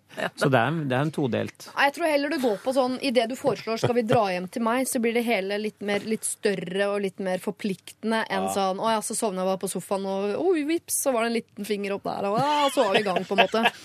Det er sånn som bare skjer. Men hvis du legger inn det kalkulerte 'gå sammen' i kulda, hjem, inn, Ja, det må man da er, det, da er det større, på en måte. Men hvis dette nå har det, det skjønner jeg, men det der er et selvbedrag. Fordi nå har jo disse etablert at nå skal jo de over, så skal de knulle hos de vennene. Det vet de jo. Ja. Nå kommer Ronny i dag, og da drar jeg ned der. Og så later vi som at det bare skjer. Men det skjer jo. Den planen er jo der. Ja, Eh, er og da kan de også gå den lille stien opp og hjem til sin egen eh, til sin. Ja. Det, det, det, såpass respekt må man ha. Har de diskutert dette i plenum? Oi, det vet jeg ikke. Fordi det jeg lurer liksom Er det hva har de sagt god det idé? til Nei, men poenget er det vil gjøre det litt Det vil legge et litt høyere press på de som gjør det. Istedenfor at du sier til kompisen hvis, jeg, hvis det var min kompis, da sier jeg til han du, Ronny, kan du ikke bare gjøre det? Så sier han jo, og så ignorerer han det. Og så har hun sagt det til sin venninne. Hvis det er sånn Ja, ja, ja. forbindelsen er. Da tenker jeg Da hadde jeg, som da innledningsvis var to på konfliktsky-skalaen Hvis ikke det ga seg, da, så tror jeg jeg hadde tatt opp i plenum og sagt at nå må dere Men i forkant av incidenten Men kan man ikke bare si det? Vet du hva, det kan ikke sove her. Det passer Ja. ikke. Det er jo ikke noe verre enn det. Nei, for Beklager. at dere har gjort vår stue til en sexmanesj. Ja, vet det. Manesj er så deilig. Jo, men de hjelper jo Ronny her, fordi jeg er enig, her er det inngått en slags knullekontrakt. Ja, Og da syns jeg man hjelper Ronny litt på vei hvis man sier uh, høyt mens Vigdis er der. Ronny, i kveld kan du ikke overnatte her. For da Ja. er det ikke så alvorlig for Ronny å overnatte hos Vigdis, for der han er kastet ut, og han er i fucking son. Ja, Ja. Og da har ikke Ronny noe annet sted å overnatte, og da kan Vigdis si, uten at hun nødvendigvis tilbyr han både hage og hus og, og barn og alt det der, si sånn Ja, så får du krasje på sofaen min isteden, da. Nettopp. Sant? Så kan det bare skje kan det bare skje der. Jeg er helt enig. Det er jo ofte sånn det skjer på One Night Stands. At det er liksom sånn Å, nå var vi på fest hos en venn. Nå tar vi følge hjem. Og Ja. så vips, så blir man plutselig Vi med vet jo ikke hva Vigdis har hjemme. Det kan hende hun har en mann der. Det kan Da hadde det stått. har. Si, altså, Siri, kjære Siri, da må du si fra. Ja, Det er elementer eksempel. som er viktige. Ja, men det kan være ting Kanskje hun er, kanskje hun er hoarder. Kanskje hun er syk samler. Kanskje hun ikke vil vise hvor skittent hun har det hjemme. Kanskje det er masse ting. Ja, Men dette må Ronny få vite om også. Ja, ja, ja. Kan, kan jeg bare snike inn et lite spørsmål på egne vegne? Hvor Ja. greit er det å ha overnattingsgjester? Altså, Hvor greit syns du det er hvis din kone skal ha eh, Er du gift? Ja. Ja, din kone skal ha eh, en venninne på overnatting som du ikke kjenner. Helt OK. Ok. Ja. Og du? Ja, det er ganske Hvis det er liksom et besøk fra som vi skjønner at her må de Jo, men Hvis hun går god for henne det er ikke at det, Det det er bare en kompis. Han, er Ja. han, eh, han eh, bor i Molde. eh, Han kommer og skal overnatte. Ja, jeg gjør jo det med venninner. Ja. Så Martin må bare godta det. Det høres ut som du er litt ukomfortabel med det selv, eh, Thomas. Jeg Du liker ikke overnatting. er Men du er kanskje litt mer privat også. eh, Jeg er ikke så glad i at folk skal gå Jeg har ikke lyst til å møte noen i døra i slåbrok. Eh, Ja, men du har jo flere bad. Ja, Håper det har jeg. Det er riktig. Men, eh, og det kan ordne seg sånn, men det er akkurat som det er veldig privat bare det å komme ut av soveromsdøra. Jeg er er sikker på du- om morgenen. Men du har gjesterom, Thomas. Det tror jeg du har. Det er helt riktig. Ja. Men, Men, brukes eh, ikke. Jeg har ikke lyst til å bruke det. Nei, det, Jeg tror du har jeg. to gjesterom til og Det er gøy, fordi du kunne gått i konfrontasjon på de på sofaen, men eh, du kunne aldri hatt de overnattende i utgangspunktet. For jeg kunne heller hatt overnattende og bare tenkt sånn he, unnskyld, jeg hadde bare sagt til Martin og beklager dette, at det er ligging i sofaen nede nå, det visste Men jeg hadde blitt sur hvis noen pulte i huset mitt. Det ville jeg gjort. Hvis det var et vennepar eller hvem som helst. Men ikke kom til meg og ligg. Men dette har skjedd dette. veldig mye i vårt hus eh, når vi har sommerfest. Da er det alltid noen som ligger eh, over og ligger sammen. Det er veldig Men- viktig. Men er det ingen ja. av dere som ser investeringen i dette? Dere har en god kompis, dere har en god venninne. Og hvis de kan få en manesj og knulle inn sånn at man eh, på sikt har et vennepar Ja, det Det er er jo, det er Ja, jo en men min sofa er ikke en Men manesj. det må og bare det er, skje jeg har én små gang. barn. Ikke sant? Ja, det må skje én gang, og så må man finne en ordning. Og og dessuten så er det jo også sånn at de, de vil jo ikke ta dette videre. De vil jo bare knulle. Det er jo hele poenget.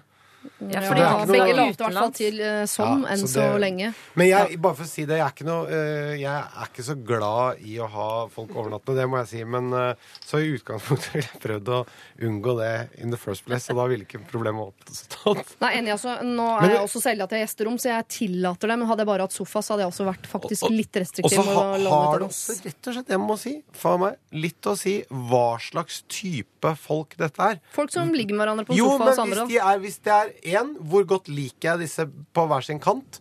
Eh, og Mm. hvor ekle er de? Har også litt å si. Ja, men hvis du har en, Det er en god kompis, tror jeg. ass. Ronny er en god kompis. Jo, men spørs litt hvordan jeg eh, opplever eh, Ronny, skjønner du? Ja. Altså rent sånn tilstedeværelsen hans. Hvor, hvor, hvor tett inntil meg kunne han sittet uten at jeg ble Skjønner du hva jeg mener? Ja, ja, ja. Er, er, er det noen ting jeg reagerer på ved hans oppsyn eller hans hygiene eller hans lukt eller En del sånne ting teller også litt. Ja. Jeg vil heller ha noen som, altså, jeg, noen som jeg, Hvis jeg syns de er ekle, så vil jeg enda mindre at de skal ligge sammen hos meg.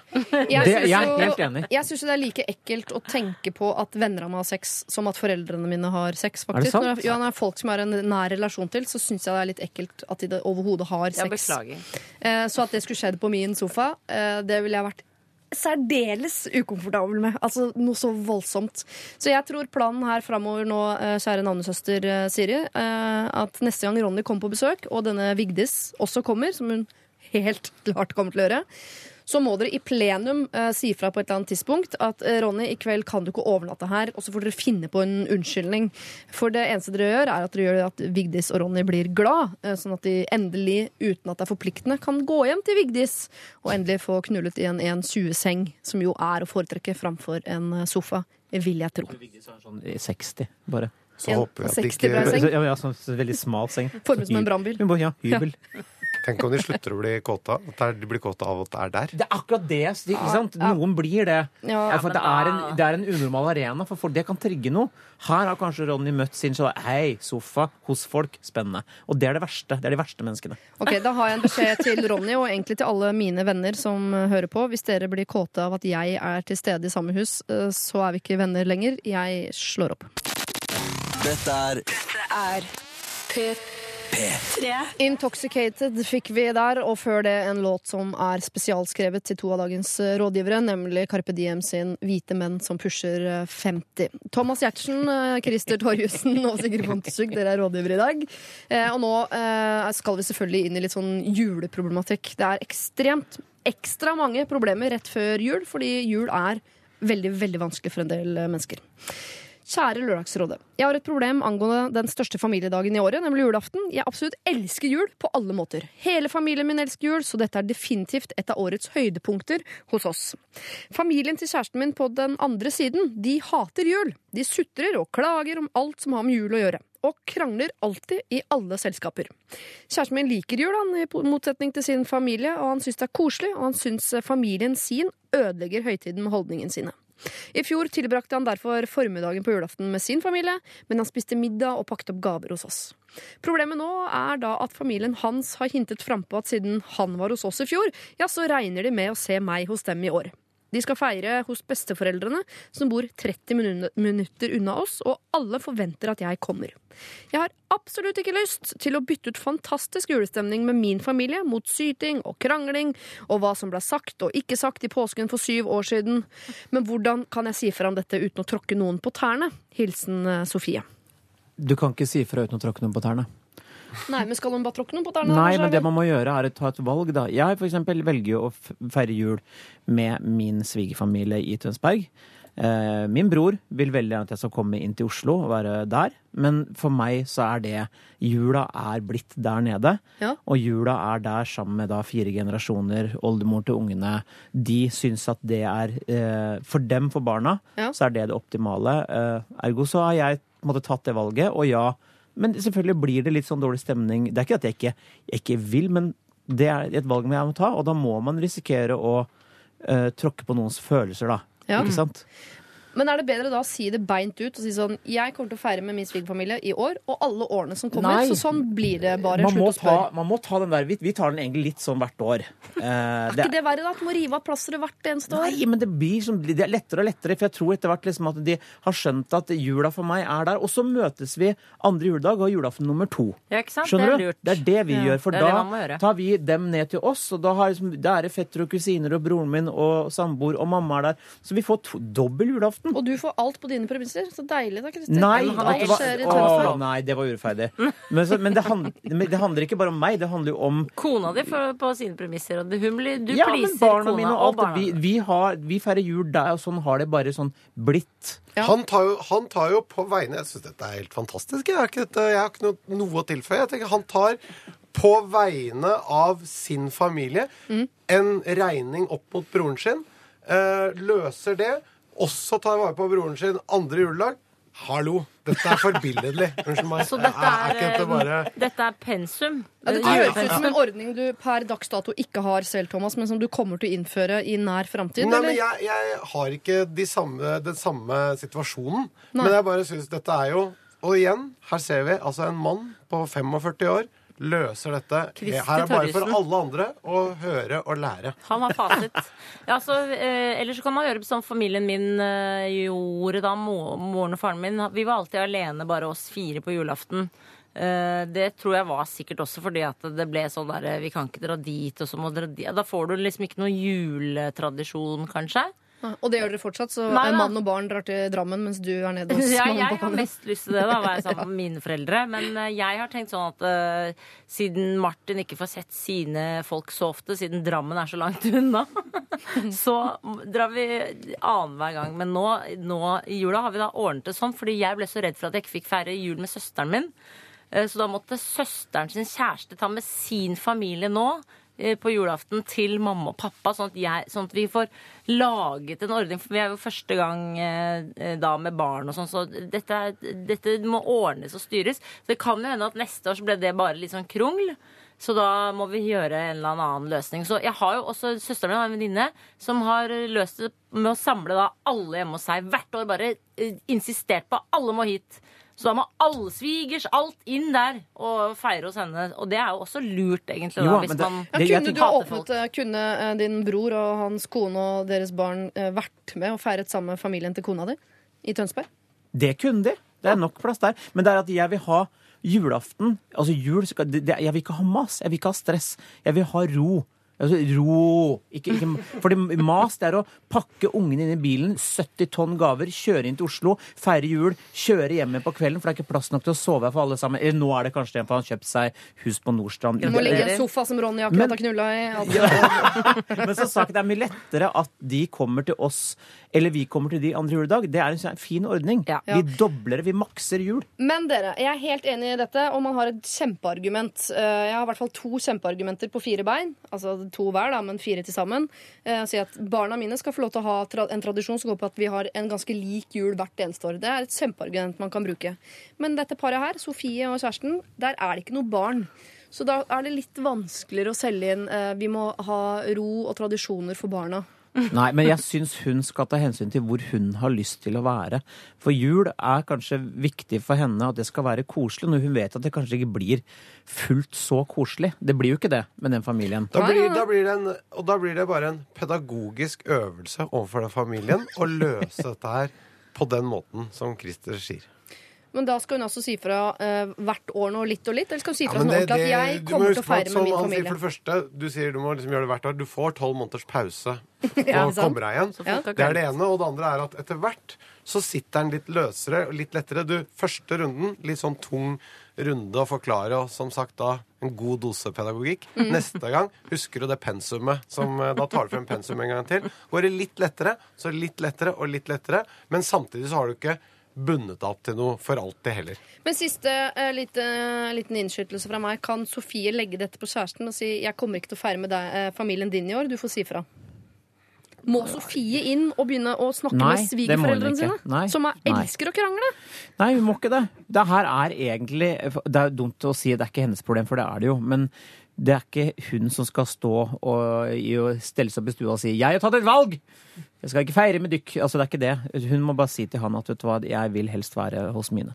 Ja, da si, ok, Sofie, du sier til kjæresten din 'jeg kommer ikke til å feire med foreldrene dine i år heller'. Men, eh, og det må du si til dem. Og hvis du vil være her hvert eneste år, ikke med din egen familie, ja, så er det din konfrontasjon. Lykke til, ses i Jeg ville tatt en vurdering på hans eh, pedagogiske evner overfor den familien. For det er jo åpenbart mye kranglefanter her. altså Det kreves litt list, så Mm. får de ta en vurdering seg imellom kanskje, og da si hvem av oss er best egnet osv. Her er det mange forhold som ikke vi vet noe om, men jeg vil tatt det med i beregningen før jeg besluttet hvem som skulle gå og si fra. Mm. Skal, skal hun ta det ansvaret sånn jeg har blitt sammen kranglete fyr med en kranglete familie, så får jeg gå inn og ordne opp? Det hadde ikke jeg orket. Ja, Da må jeg kom, være pedagog. jo. Hvis, hun føler, hvis jeg hadde følt sånn du, den familien, Hvis Sigrid og jeg var sammen, Ja. så tenkte jeg at faen, Sigrid er jævla kranglete og klønete til å fortelle ting. Ja. Og den familien er kranglete. Jeg tror jeg kan løse det bedre. Da hadde jeg følt at ok, vi sitter jo samlet sett bedre med en bedre løsning hvis jeg gjør det da.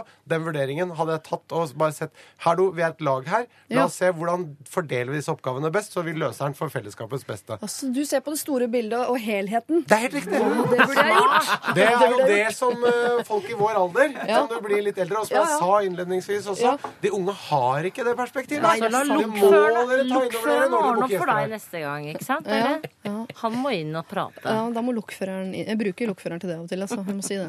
OK, Sofie. eh, Du hører hva eh, gamlegutta sier, sier at du må gjøre her. Hvis du er den mest pedagogiske i eh, hele denne bøtteballetten, og så blir det litt i din oppgave nå se på det som en øvelse som du må gjennom hvert eneste år. Det blir lettere og lettere og lettere, men her er det kanskje bare du som har muligheten til å ordne opp i denne kranglete familien. Men hvis Vi typen sa din ikke det. Nå, nå, nå må jeg bare rette deg. Vi, vi, vi sa ikke at hun må det.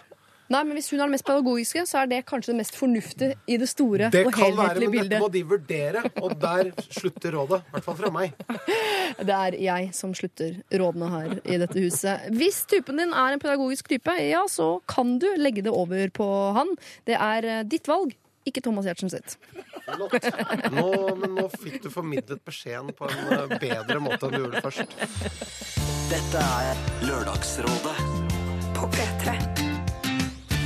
P3. Julie Bergan, All Hours, eh, hørte vi der. Og vi skal over til et problem som er innenfor et område jeg tror vi ikke har hatt eh, eller vært borti tidligere her i Lørdagsrådet, nemlig eh, problemet skabb. Er det noen av dere som har hatt? Sigrid, Thomas eller Christer?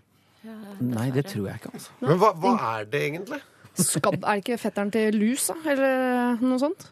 Jo, Det det er Kan ikke, Det er kan sånn du ikke, ta, får. kan du ikke google det? Det er et lite, lite levende organisme som smitter ved hudkontakt. Så hvis ikke det lever på hud, men på dødt materie, så dør det i løpet av noen timer. Kan overleve lenger eh, eh, hvis det er i varme klimaer. Det er litt sånn eh, som en slags midd. Ja. ja, det er en midd, ja. Det høres Ok, men mye det verre ut. klør, da? Seksuell Det klør. kontakt. Det, Sex, ja, det er seksuell. det må ikke være seksuelt, nei.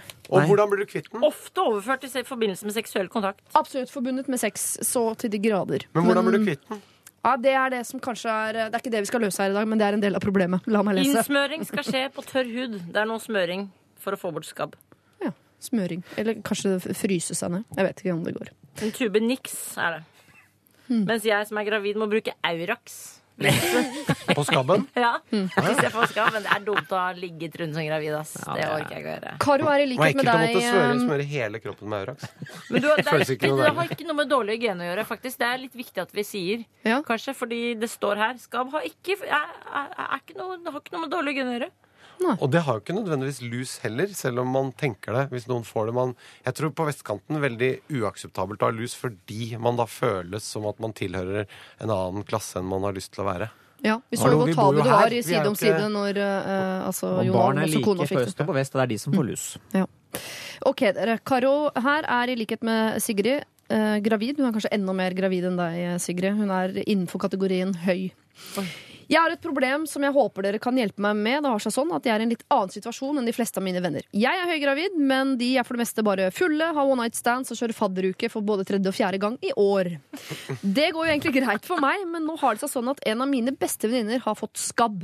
Hun har fått det på et tvilsomt hostell, og ikke fra et tvilsomt ligg. Men uansett, jeg gruer meg jo til barnet kommer, og hun garantert vil ønske å holde og kose med dette barnet.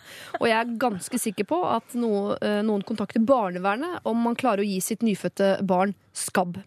Som en tilleggsopplysning vet jeg at hun har søkt behandling flere ganger, men hun blir ikke kvitt det. Hvordan forholder jeg meg til henne etter at barnet er født? Karo? Mm. Er det, vil du begynne, Sigrid? Det er eh, interessant å si, jeg er enig, for det er jo skikkelig skam eh, å ha skabb. eh, Og så skal du si til venninna di du får ikke lov til å holde barn. Fordi Jeg leser jo også da at skabb kan å, altså Det tar tre til fem uker å behandle. ikke sant? Så det er jo det. Du må jo ikke ha henne på besøk på fem uker da, etter at det var Du har prøvd å få unge. behandling, og det virker som skabben har kommet for å bli. Men altså, unnskyld meg, men søkt om behandling, var det det? Ja. Det det høres ut det høres ut som du liksom er litt vel autoritets... Altså, kom igjen, da. Det Kjøp krem, liksom. Jeg går liksom jeg har søkt, men jeg har ikke fått noe svar. Kom igjen, da. Da må du liksom lette på ræva. Du kan ikke sitte der og si 'Jeg ble ikke kvitt det'. Men da må du ha bruke, da kan du bruke det, for du blir jo fucka som mor, ikke sant? Er det når du har født, så blir du gæren. Da tenker du jo at det skal dø bare folk holder det litt feil. Ja, ja. Eh, Så tenker du sånn Da fikk den hjerneskade fordi nakken gikk liksom fort bak. ikke sant? Så det kan du jo bruke som sånn Jeg må holde barnet mitt, for jeg, er blitt helt eh, gæren. Så du kan jo bruke det som en unnskyldning. Kanskje hvis du ikke tør å gå i konfrontasjon og si Har du den skabben ennå? Men du, det må altså, jeg jeg, må, være for, helt jeg må bare fortelle, fordi at et, et, eh, et vennepar av meg, de bestemte seg for å få en, eh, en dagmamma. eh, som da, og det var masse styr for å finne den rette personen, og hun virket kjempebra, og uh, alt så helt topp ut. Hun uh, skulle da komme, sa opp jobben sin, og var veldig klar. Alt var helt topp. Så skal hun begynne. Og dagen før så skal de bare ha et sånt formøte før hun skal komme, og så har hun kjempeherpes. og, så tenker du Hun skal jo drive og nusse Skal jeg da gi barnet mitt herpes Ja. eh, Ja. nå? Med en gang? ja, det er det. Eh, Skal ikke det komme i russetida? Ja. jo, men du vil jo ikke det, samtidig som hvordan skal du si til henne du, Hvordan har du tenkt å håndtere den herpesen opp mot det barnet? Ja. Det er jo Ja, det er et problem. er- Skal dagmamma drive og nusse på barnet, da? Nei, Ja, jo da, men ha jo noe litt nærkontakt. kjærlig kontakt. Altså, det, det, det kommer veldig fort at den herpesen hopper over der. Ja. Unnskyld meg. Ja. Bør ikke kline. Nei, nei, det er For det er jo ikke det vi legger opp til her. Nei, det er sant. Men, Men- det, Men jeg, vanligvis- du vil ikke ha en med herpes oppi der. Nei. Ikke sant? Det vil du ikke. Så du må si, det er jo det samme ikke sant? Du Som nybakt mor, særlig for førstegangsfødende, så sier du jo sånn ha, Er du forkjøla, har du vært Så, og alle må vaske hender. Og du er jo helt Ja. antibac-gal. Ja. Så du kan jo bruke det som unnskyldning i starten. Du kan også, hvis du trenger en unnskyldning, si du eh, For det du kan gjøre, er jo for å gjøre dette litt ryddig, sånn som For å bruke en taktikk som man bruker gjerne i, i politikken eller i, i styrer Nå hører vi om det, da. Skaff deg ryggdekning. Bare gå til sykehuset, og så spør du du, hva sier dere om dette. Og så bare videreformidler du den Ja. beskjeden du har fått der. Lurt. Da sier du du, sykehuset sa at uh, når det gjelder skabb og sånn, så, så, så går ikke det. Så Og det er dobbel ryggdekning, fordi hvis barnet får skabb og hun er redd for at barnevernet skal komme, så har hun jo vitner på sykehuset i at hun allerede på forhånd har sagt fra at det er en venninne i nær uh, omkrets som har nettopp skabb. Ja, men barnevernet kommer nok ikke. Nei, det tror ikke jeg. Men, men uansett eh, Så, så det, er, det er jo veldig greit. Du kan jo kjøre forebyggende tiltak med å sånn, gi henne oppvaskhansker og dykkermaske. Og, altså, det- Men du kan jo også si da, legge på hvis det blir dårlig stemning knyttet til det, så kan du jo si at eh, du vet jo selv hvor mye problemer du har hatt med den skabben, og dette er jo et menneske som ikke er i stand til å søke selv eh, om behandling. Eh, så her er vi nødt til å ta ansvar å sørge for at ikke flere havner i den forferdelige situasjonen som du er i, som du har den største sympati og medlidenhet med. Ja. Så eh, denne skabben skal definitivt stoppe hos deg. Men vi skal jo her i Lørdagsrådet være ekstremt forsiktige med å si at problemer ikke er problemer. Det er egentlig ikke lov å si her. Men det sa vi ikke. Nei, men jeg er i ferd med å skulle si det nå fordi Folk syns jo det er vanskelig med konfrontasjoner, men da er det ofte fordi det er flaut for den som konfronterer, det er flaut for den som blir konfrontert, eller er noe vanskelig eller uvenner. Sånn. Er Her, alle impliserte vet om skabben. skabben. Så det er, ikke noe, det er ikke noe her noe nytt eller noe sånt. Og jeg tror enhver person med skabb vil skjønne at ingen har lyst til å legge sitt nyfødte barn inntil en gatehund, som jo jeg forbinder med skabb, da. Eh, så jeg tror ikke hvis Karo sier til bestevenninnen sin jeg har ikke lyst til at mitt nyfødte barn skal få eh, skabb. Jeg orker ikke å smøre det inn i Aurax eh, hver eneste dag i fem uker. Så du, så lenge du har skabb, så kan du faktisk ikke holde barnet mitt. Fordi det smitter helt ekstremt ved hudkontakt. Jeg, jeg klarer ikke å begripe hvorfor det er en vanskelig beskjed å gi. Hvor, hvor skal venninnen bli sur og sånn Å ja, så bare fordi jeg er skabb, så skal jeg ikke få lov å holde ungen din? Ja. Jeg, jeg, jeg klarer ikke å se for sånn. meg et, en scene hvor det er vanskelig. Men altså, dette mennesket med den skabben er jo også et menneske som sier at jeg har søkt ja. og ikke fått hjelp, og her må det offentlige ta ansvar, osv., osv. Og da tenker jeg litt at eh, nå er det to øvelser som står på agendaen her. Det ene er en, skaffe seg en saklig og god uh, ryggdekning hos som legen har forklart. Da, er det helt, da trenger du ikke å tenke på at det er noen konfrontasjon lenger. Ja. Og to, uh, hjelpe å backe opp denne venninnen, slik at det kan få litt mer initiativ knyttet til å bli kvitt den skabben. til å gå og kjøpe seg den tuben med Aurax. Eh, ja, Karo, eh, du, eh, skaff deg ryggdekning. Det er en god generell Ja, eh, råd mennesker. egentlig det er til alle Bruk mennesker. Bruk helsestasjonen, eller så bruker du egen mental helse og nettopp spiller ut rollen som gæren eh, førstegangsmor som er hysterisk eh, og som nærmest bader i antibac er hver eneste dag selv. Ja, du kommer til å bli det litt, men det er lov å skru det til når du da får en venninne på besøk med eh, skabb eller den slags. Har du et problem, så send det inn til oss. Får vi ikke tid i dag, så får vi tid neste lørdag. Vi er her da også. Eh, lralfakrøll nrk.no. P3.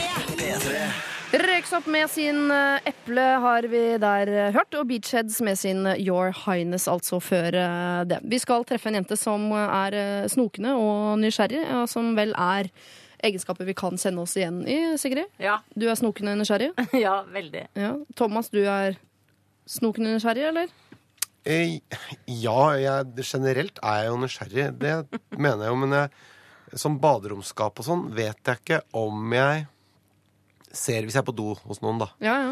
så vet jeg ikke om Jeg, jeg har gjort det før, absolutt. Eh, Men jeg er litt usikker på om jeg ville gjort det nå. Det avtar kanskje i sånn voksen eh, Jeg lurer på det. det, På fest er det gøy liksom når du er 20 Ja, ja. Fra du er 22 til du er 32. Er du også en som går inn i baderomsskapene til folk, Christer? Nei, men jeg snoker på en annen måte. Oh, ja. Jeg snoker litt på Face og sånn. Jeg ser på sånne av de kuleste folka på skolen, på ungdomsskolen, og ser hva de har blitt til i dag. Og så ser jeg på bilder av familien deres og tenker at jeg er ikke så kul lenger nå. Der kan jeg være snokete. Men jeg snoker aldri i folks skuffer og skap og sånn. Det gjør jeg ikke. er så deilig når uh, fineste i klassen har blitt uh, tjukk. Det er altså så godt Ja, å er kunne se i voksen vakkert. Det er snoking, er det ikke det? Det er snoking. går på snoking. Ja, jeg elsker snoking sjøl, jeg. Uh, men skal vi se om det, det vekker snokerne i dere, dette her. En som skriver Hei, Lørdagsrådet. Jeg er så forferdelig nysgjerrig. Jeg er en jente på 20 år, jeg er student og jobber deltid i en klesbutikk. I denne butikken har jeg et par kollegaer på samme alder og i samme fase av livet som meg. En av disse kollegaene har plutselig blitt sykemeldt en dag tidligere i høst, helt uten forvarsel. Hun skulle jobbe den dagen, men dukket ikke opp, og siden har hun ikke vært der. Det begynte som en sykemelding på et par uker, som bare har blitt lenger. Jeg er nysgjerrig og har spurt forsiktig min egen sjef om det går bra med henne, og da har jeg fått som svar at det må hun nesten fortelle selv. Hun må ta den tiden hun trenger, og hvis hun kommer tilbake, så blir det ikke mer enn én gang i uken. Og det er jo greit nok, eh, for jeg forstår at jeg ikke har noe med det å gjøre egentlig. Men det hele er så rart, for hun legger ut Snapchats fra fest og fyll omtrent hver eneste helg, og dagen hun ble sykemeldt, var hun ute med venninner. Snart skal jeg slutte i denne jobben, noe som betyr at jeg ikke får sett denne kollegaen noe mer. Og det syns jeg er litt synd, og jeg har vurdert å sende henne en tekstmelding og si at det hadde vært trivelig å jobbe med henne, og jeg håper at det går fint.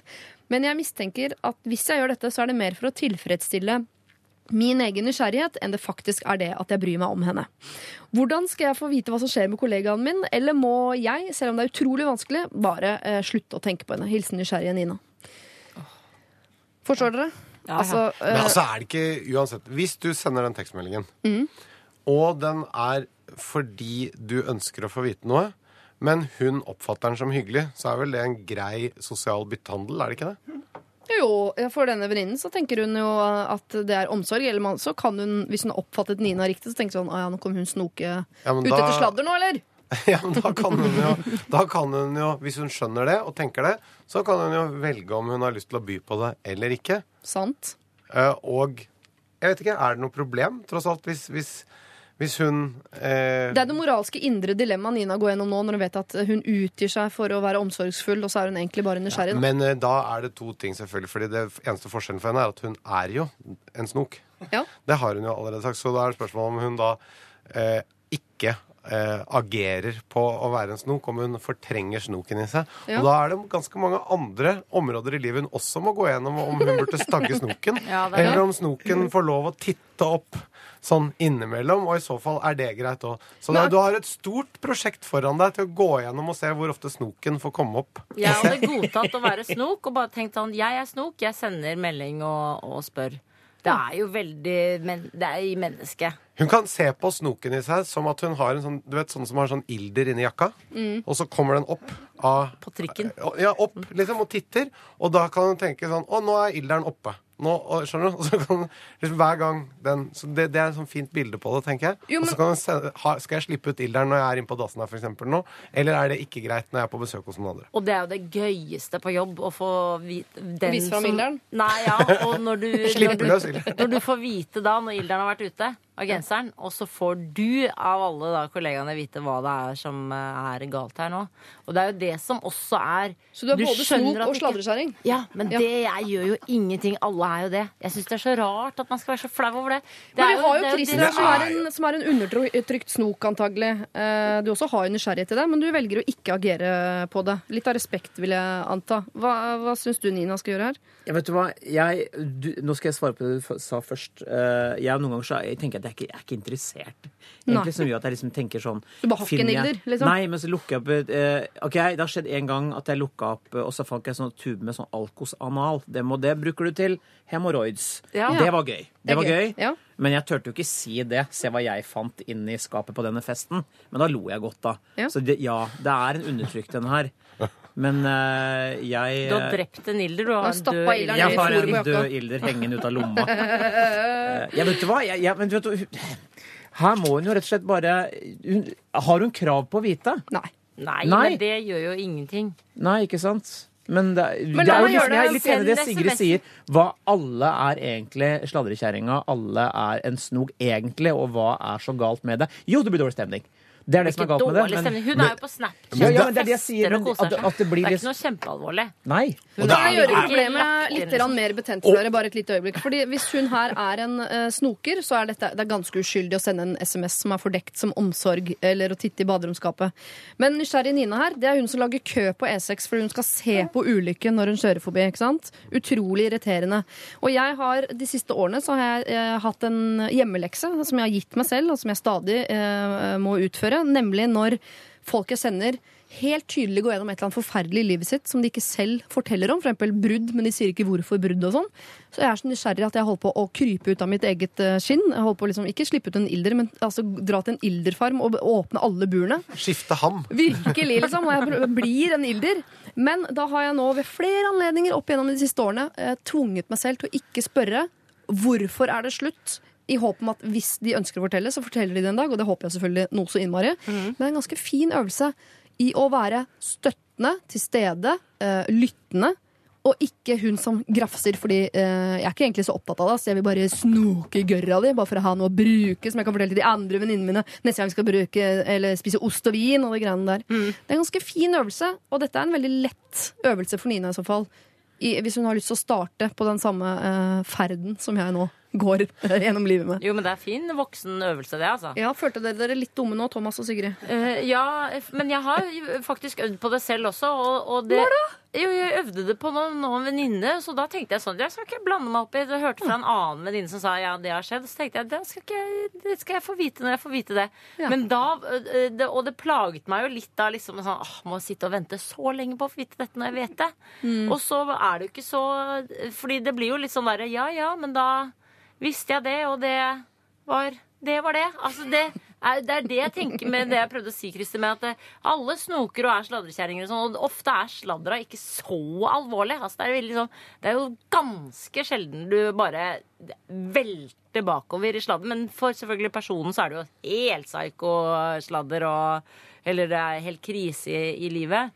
Men det kommer jo an på hvem du sladrer om. Fordi, sånn som for, eh, for meg, så kan alt om meg kan egentlig alle vite. Det plager meg ikke. Snakk om den ikke er der, det er samme for meg. Det er ikke så Enig. farlig. Men hvis denne kollegaen er en privat type som ønsker å holde privatlivet litt hellig, så er det jo verre hvis Nina plutselig da velger å bruke informasjon hun har fått under paraplyen omsorg, eh, til å, å bare eh, sverte henne. Alle som jobber på Bik Bok, eller hvor det er nå de holder til. Eh, Det virker som nesten hun vet hva som får altså, Dette er jo ikke en dame som har sperra barn inne i en kjeller. Eh, det er en dame som har sykemeldt seg som fester. Som Ja. er relativt vanlig. eh, At folk sjukemelder seg og går på fest. Så det, det, her, her ligger alle kortene man kan her. feste selv om man har influensa. men sånn som det bildet er tegnet av den personen, Ja. sykemeldt og fester, Ja. det gjør at vi får vel umiddelbart litt mindre sympati. Altså, vi, vi, vi blir ikke så Men for vi vet at det ikke er kjempealvorlig. Det får vi en følelse av. Ja, ja, ja, Sånn som dette er fortalt. Ja. Hos denne. Så det er jo en som på en eller annen måte liksom, Snoken, hun som eier Ilderen. Og Snoken er jo en liten sleiping. Hun tegner opp en sånn Bør jeg egentlig bry meg så veldig om denne sykemeldte festeren?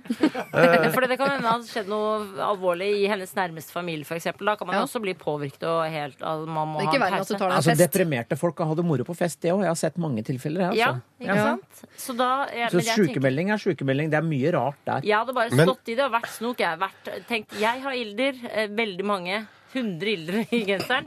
Og det får, jeg har jo det selv. Jeg tenker at ja, ja, men det vet jo folk at jeg Men din er ilder Men får jeg er jo spørre ikke et- inni klærne, den sitter jo oppå skuldrene dine. Ja, Altså, og Men- er synlig. Jeg har Det er ulike problemer og sånn, men er det mange, mange eh, problemer man kan ha som gjør at eh, du skal sykemeldes, og så fungerer det overhodet ikke å jobbe, men det fungerer veldig bra å feste? Mm. Jeg bare spør. Jeg kommer ikke på mange sånn på løpende bånd. Det gjør jeg altså ikke. Nei. Eh, Vi får ringe Nav og høre hva folk flest bruker som unnskyldning unnskyldning når de ringer inn sin sak. Nina, eh, nysgjerrige Nina. eh, Her er du blant frender. Det er mange ja, om bord i den Lørdagsrådeskuta som har noen ildre både inne i fòret, en dauen i baklomma, og noen har de sittende splitter pine leve, eh, levende oppå sin egen skulder. Så all forståelse hvis du velger å late som det er omsorg, men egentlig bare er ute etter å snoke. Men jeg vil bare si at eh, her har du muligheten til å øve på å nettopp bli mer omsorgsfull og mindre snokende. Dette er en lett hjemmelekse. Det kommer verre hjemmelekser etter hvert, så kanskje du rett og slett skal begynne her. P3. Kjære Lørdagsrådet, dere er mine favoritter. For tre år siden ble jeg stormende forelsket i Kristoffer. Det varte ikke lenge, men det var intenst og fint. Når det ble slutt, ble jeg veldig lei meg, og jeg har brukt lang tid på å komme over han. Jeg er vel egentlig ikke helt over han ennå. Jeg er eh, singel, og som mange andre single så er jeg på Tinder, eh, fordi det er et hav av muligheter der.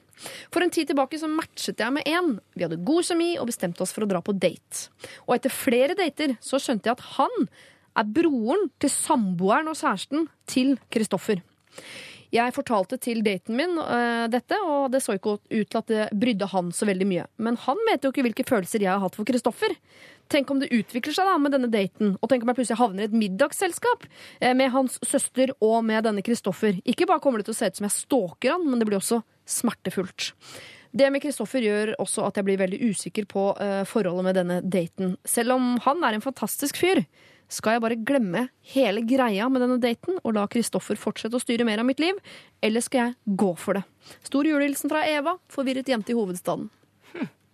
Forstår dere altså eh, alle forhold i dette problemet? Dette er en verden er så liten problemstilling. Ja, eller i hvert fall Norge, da. Ja. Så bare for å klare opp eh, en gang. Mm. eh, Daten er da broren Til til kjæresten til Kristoffer. nettopp Kristoffers nye kjæreste. Ja, og de bor også sammen, disse søstrene. Altså denne daten og søsteren hans, de bor sammen. Så han ser jo Kristoffer relativt ofte, da, når han er på besøk hos sin kjæreste. Men fordi hun har følelser fremdeles for Kristoffer? Oi, ja, ja, ja. Hmm. Men da går det jo ikke an å innlede noe med han. Nei, det er det. Man har jo følelser helt til det blir erstatta av en annen følelse. Man går jo og tenker på formann. Ja, altså, for sånn er derfor det jo tenker bare. jeg at det er jo ikke et problem da. Altså, når hun, hvis hun får følelser for denne eh, daten Mm. eh, etter hvert, så må man liksom bare ta det da. Og så, eh, og så gjør det jo sikkert da vondt eh, litt sånn av og til og av og på, men det er jo egentlig litt koselig òg. Kjenne at man lever litt. ja, ikke Men sant? er, er ikke dette Hvis disse følelsene for han eh, eksen er såpass store at det på måte overskygger og det å møte han og sånn, så, så sier jo noe om det også kanskje om graden av involvering med denne nye. Og hvis den graden senkes litt, så vil jo heller ikke de treffsituasjonene oppstå. Hvis det ikke er sånn som du sier, da, at eh, du bare bytter ut med en annen. At det er sånn livet er. Men det, det er ikke sånn jeg helt opplever det. Nei, for jeg tenker, eh, selvfølgelig virker det som et problem dette med at de kan møtes, men egentlig er- hadde problemet vært der uansett. Det handler om at Hvis hun skal inn i et forhold med en fyr, så må følelsene for han være større enn følelsene for Kristoffer. Hvis ikke så er det ikke noe vits. Og hvis de blir det, så kommer jo de middagsselskapene selvfølgelig til å være litt sånn rare og kleine, men det kleine der hadde jo kommet inn i bildet hvis ikke eh, hvis ikke denne nye daten var klar over at hun hadde en fortid med Kristoffer. Ja, altså vi, Men hun er redd for at Kristoffer skal tro at hun er stalker. Nei, det tror jeg ikke egentlig. Men nå- altså, nå er jo du og jeg har jo en vennegjeng eh, Siri, som er veldig incestiøs, og der er det jo veldig mange som har holdt på mange. Så det er jo ofte sånne middager der alle har Alle har pult Ja, rundt bordet. ja og det er litt sånn Westerdalsaktig, føler jeg, eh, i den klassen. Ja, Du kan flytte til et lite sted som Son også, så har folk flest ligget med folk flest. Ikke sant? Så det er ganske vanlig i, i, å, å havne litt med sånn 'den har holdt på med den' og sånn. Og det er jo egentlig ikke så ille, selv om det gjør litt vondt, da, selvfølgelig, fordi hun ikke er over Kristoffer. Eh, så må man på en måte, hvis man har valgt å da begynne å date igjen og man må skjønne at man møter jo folk som har, kjenner hverandre. Jo, men Hvor uflaks kunne hun ha, tenker hun. Altså, her har jeg begynt å date igjen, og så var det liksom spikeren. Der må jeg møte han. Selvfølgelig. Det er jo veldig intrikat situasjon, men da må hun enten da bare ta det valget at eh, skal jeg da fortsette å date dette mennesket og måtte deale med dette her hver gang, eller For det er jo fremdeles bare en date. Her snakker vi ikke om en stormforelskelse ennå. Nei. Og det høres jo ut som han Det høres jo ut som at også den bevisstheten om at han Kristoffer skal være så opptatt av å tro at hun stalker sånn, Han virker som han er ganske høyt oppe hos henne. Ja. Eh, Hun spør jo skal jeg la er. Kristoffer styre mer av livet mitt. Ja, nettopp. Så det, det virker som han gjør det, og Mm. det handler om at hun må finne ut av sine følelser knyttet til dette. Men Kristoffer styrer jo livet hennes uansett hvilket valg hun tar. For hvis hun velger å gå inn i dette, eh, så vil han jo styre livet hennes fordi hun hele tiden blir konfrontert med å møte han. Så hun kommer til å tenke på han lenger enn hvis hun ikke så han. Eh, Hvis hun velger å glemme hele dategreiene, eh, så har hun styrt det i den retning at hun eh, lot kanskje gullkal gullkalven gå eh, fordi Kristoffer var i kulissene. hun, da må hun finne ut av hva det er som gjør at hun er så opptatt av han Kristoffer, og så må da gå til psykolog, da. Get over him. Ikke gå til psykolog for kjærlighetssorg. Nei, Jeg syns det er for smått. Jeg vet ikke, jeg, nei, det er greit for meg, men bare du, gjør hva du vil. Men du må bli ferdig med han, da. Ja. Men blir hun det ved å date en som eh, møter denne Kristoffer hele tiden? Det gjør jo ingenting. Eller nå, altså, jeg er jo i en situasjon der Ja, du er sammen med bestekompisen til din eks, Ja. som du brukte mange år på å komme over. Jeg brukte to og et halvt år på å komme over Henrik Thonsen. Nektet å gå til eh, psykolog, så det Ja, burde du jeg valgte sikkert å gjort. rugge isteden, du. Ja, jeg rugget og rugget og rugget. Men er, er, er da Martin er jo bestevenn av Henrik. De er jo på ferie sammen hele tiden og holder på rundt omkring. og er sammen hele tiden. Ringer hverandre, og det er Han er ikke mer, måte på. mer sammen med Henrik enn Sigrid, egentlig. Ja.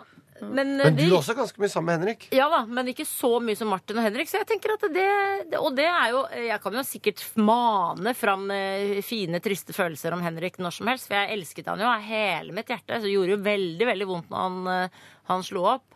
Vi snakker jo om det den dag i dag. Som folk tror jo fremdeles at jeg ikke er over han. Det er jeg sikkert ikke. Men tenk så pene barn vi hadde fått. Ja. Jeg synes han, eh, Mannen din kommer veldig dårlig ut av det her. Du er ikke redd for han. Du vil ikke feire jul. Og Jo, vi vil feire jul, Du, ja, vi feire jul, men, men ikke, helst ikke i Drammen. Du vil heller være på Nordstrand. Og så vil du Og så tenker du på de pene barna du har fått med Henrik. Jeg, jeg, jeg tror du bør tenke på en ålreit julegave i år. Ja, altså, han får veldig gode julegaver. Sigrid gir verdens beste julegave til Martin eh, hver eneste uke i podkast ved å kalle han Gullkuken. Og et større kompliment enn det er det vanskelig for Nei, en mann å å få. si, det er jo ikke alle som blir kalt det. Jeg har aldri blitt kalt det. Nei, og det er det jo helt sikkert grunner til. Helt åpenbare grunner til at jeg ikke blir kalt Men, det. eh, men eh, jeg mener bare at det er noe med at man idet man liksom har innledet et annet forhold, og er i, i gang og flørter og har det gøy, så glemmer man litt den gamle flørten, selv om man vet at man er glad i den forrige og har hatt følelser der og sånn. Så hvis man klarer på en måte Også hvis Og det, vi har jo holdt på i vår vennegjeng, da. Det er masse folk vi har vært innom før jeg var innom Martin. ikke sant? Så det har vært masse følelser innom der og ditten og datten og, og masse folk som kjenner hverandre. Jeg tror at man må ikke lage så mye Fordi Kristoffer er nok en fyr som ikke gidder å bry seg i det hele tatt. Tror jeg, da. Ja, ja, ja. Så han må man egentlig ikke tenke så mye på. Ikke sant? Det er ikke legg så det. mye i det. Han er jo bare Han bare lever Han, Han har fått seg dame, han har jo Ja. tydeligvis kommet seg videre i livet. Dette er ikke et problem for han. det, Han styrer egentlig ikke livet hennes. Det er Inni hodet hennes så tror han at han kommer til å tenke sånn og sånn. Han driter jo fullstendig om hun blir sammen med han derre Men man blir jo så full av seg sjøl når man driver og er sutrete fordi at noen ikke ville ha deg. Og Ja. da lager man sånne bilder, da. Det er mye patos, mye rugging. Blir mye Da må man heller tenke det er skjebnen kanskje da, at du skulle møte en som er kompis av Kristoffer, som er da eh, sikkert like ålreit som Kristoffer, men bare enda en- gøyere å være sammen med. En ting som noen sa til meg en gang, sa de Christer, du må slutte å dyrke problemene dine. Og det er faktisk en av de beste gangene jeg har blitt arrestert. Og det er så riktig. Ja. For her kan hun faktisk velge Ja. om hun skal gjøre det masse ut av dette her sånn. Skal hun dyrke problemet, eller skal hun bare si vet du hva, deale med det, eller ikke ta dette her så. Ja. Eller som hun fra Melrose Place en gang sa til Ally McBeal. Eh, hvorfor er dine problemer alltid så mye større og viktigere enn alle andre sine? Det kan man jo også eh, ta med seg inn i uh, førjulsstria hvis man vil.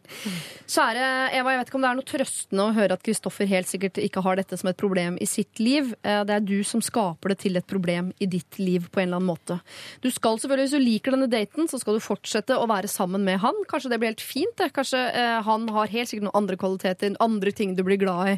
Eh, men hvis du fortsatt hele tiden tenker at Kristoffer er bedre, Kristoffer er bedre, Kristoffer er bedre, ja, så har du ikke funnet den rette mannen i ditt liv. Og da handler det ikke om at de kjenner hverandre, da handler det om at du har ikke truffet Kristoffer sin overmann.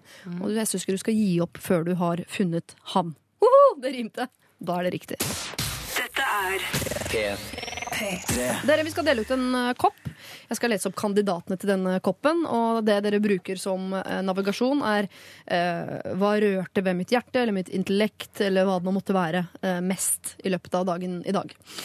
Vi åpnet med Pia, som har åpnet uh, sexposten til sin sønn. Uh, nå vet hun ikke helt hvordan hun skal få uh, gitt han denne pakken uten at han vet at hun har sett innholdet osv. Vi har IT-Rolf, som har vært så snill at han har hjulpet sin mor på internett. Men nå må han da også være IT-kontakt for henne to-tre ganger om dagen, og det blir litt mye for han.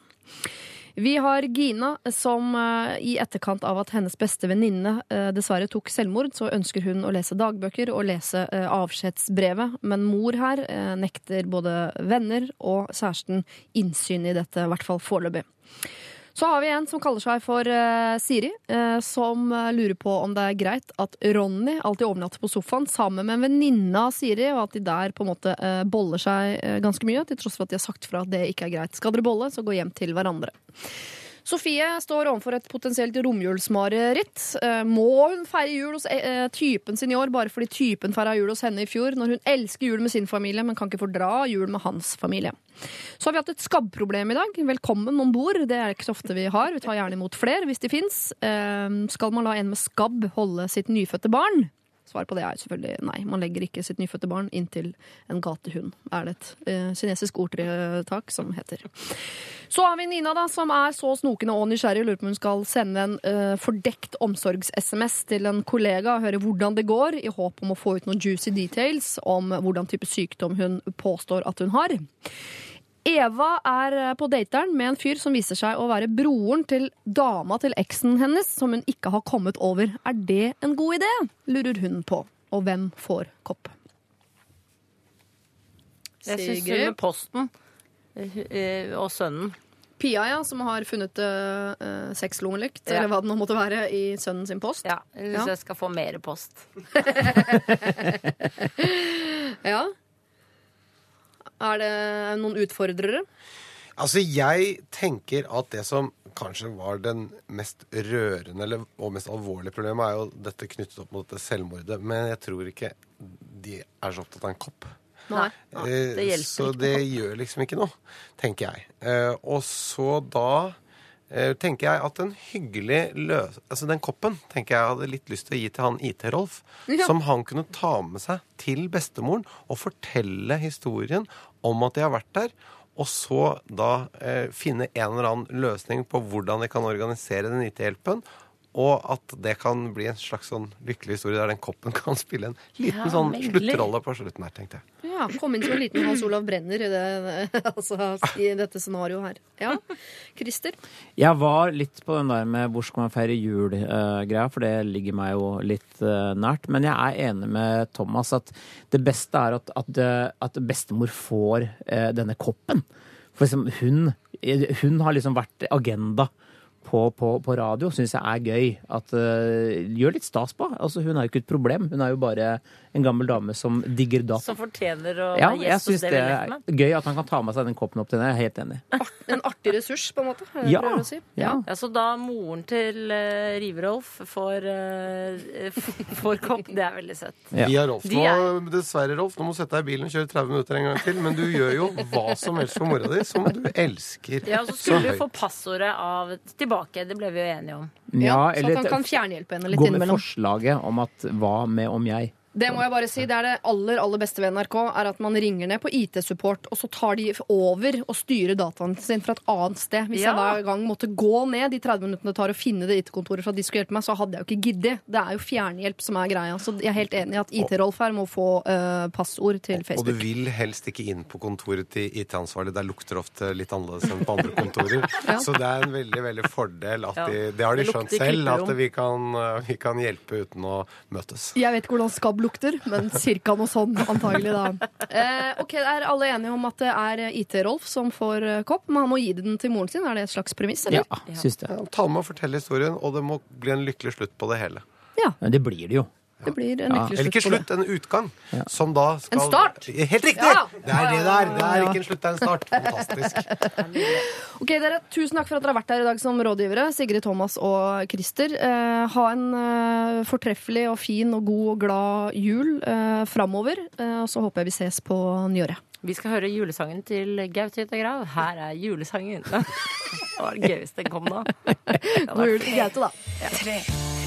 Dette er Lørdagsrådet på P3. P3.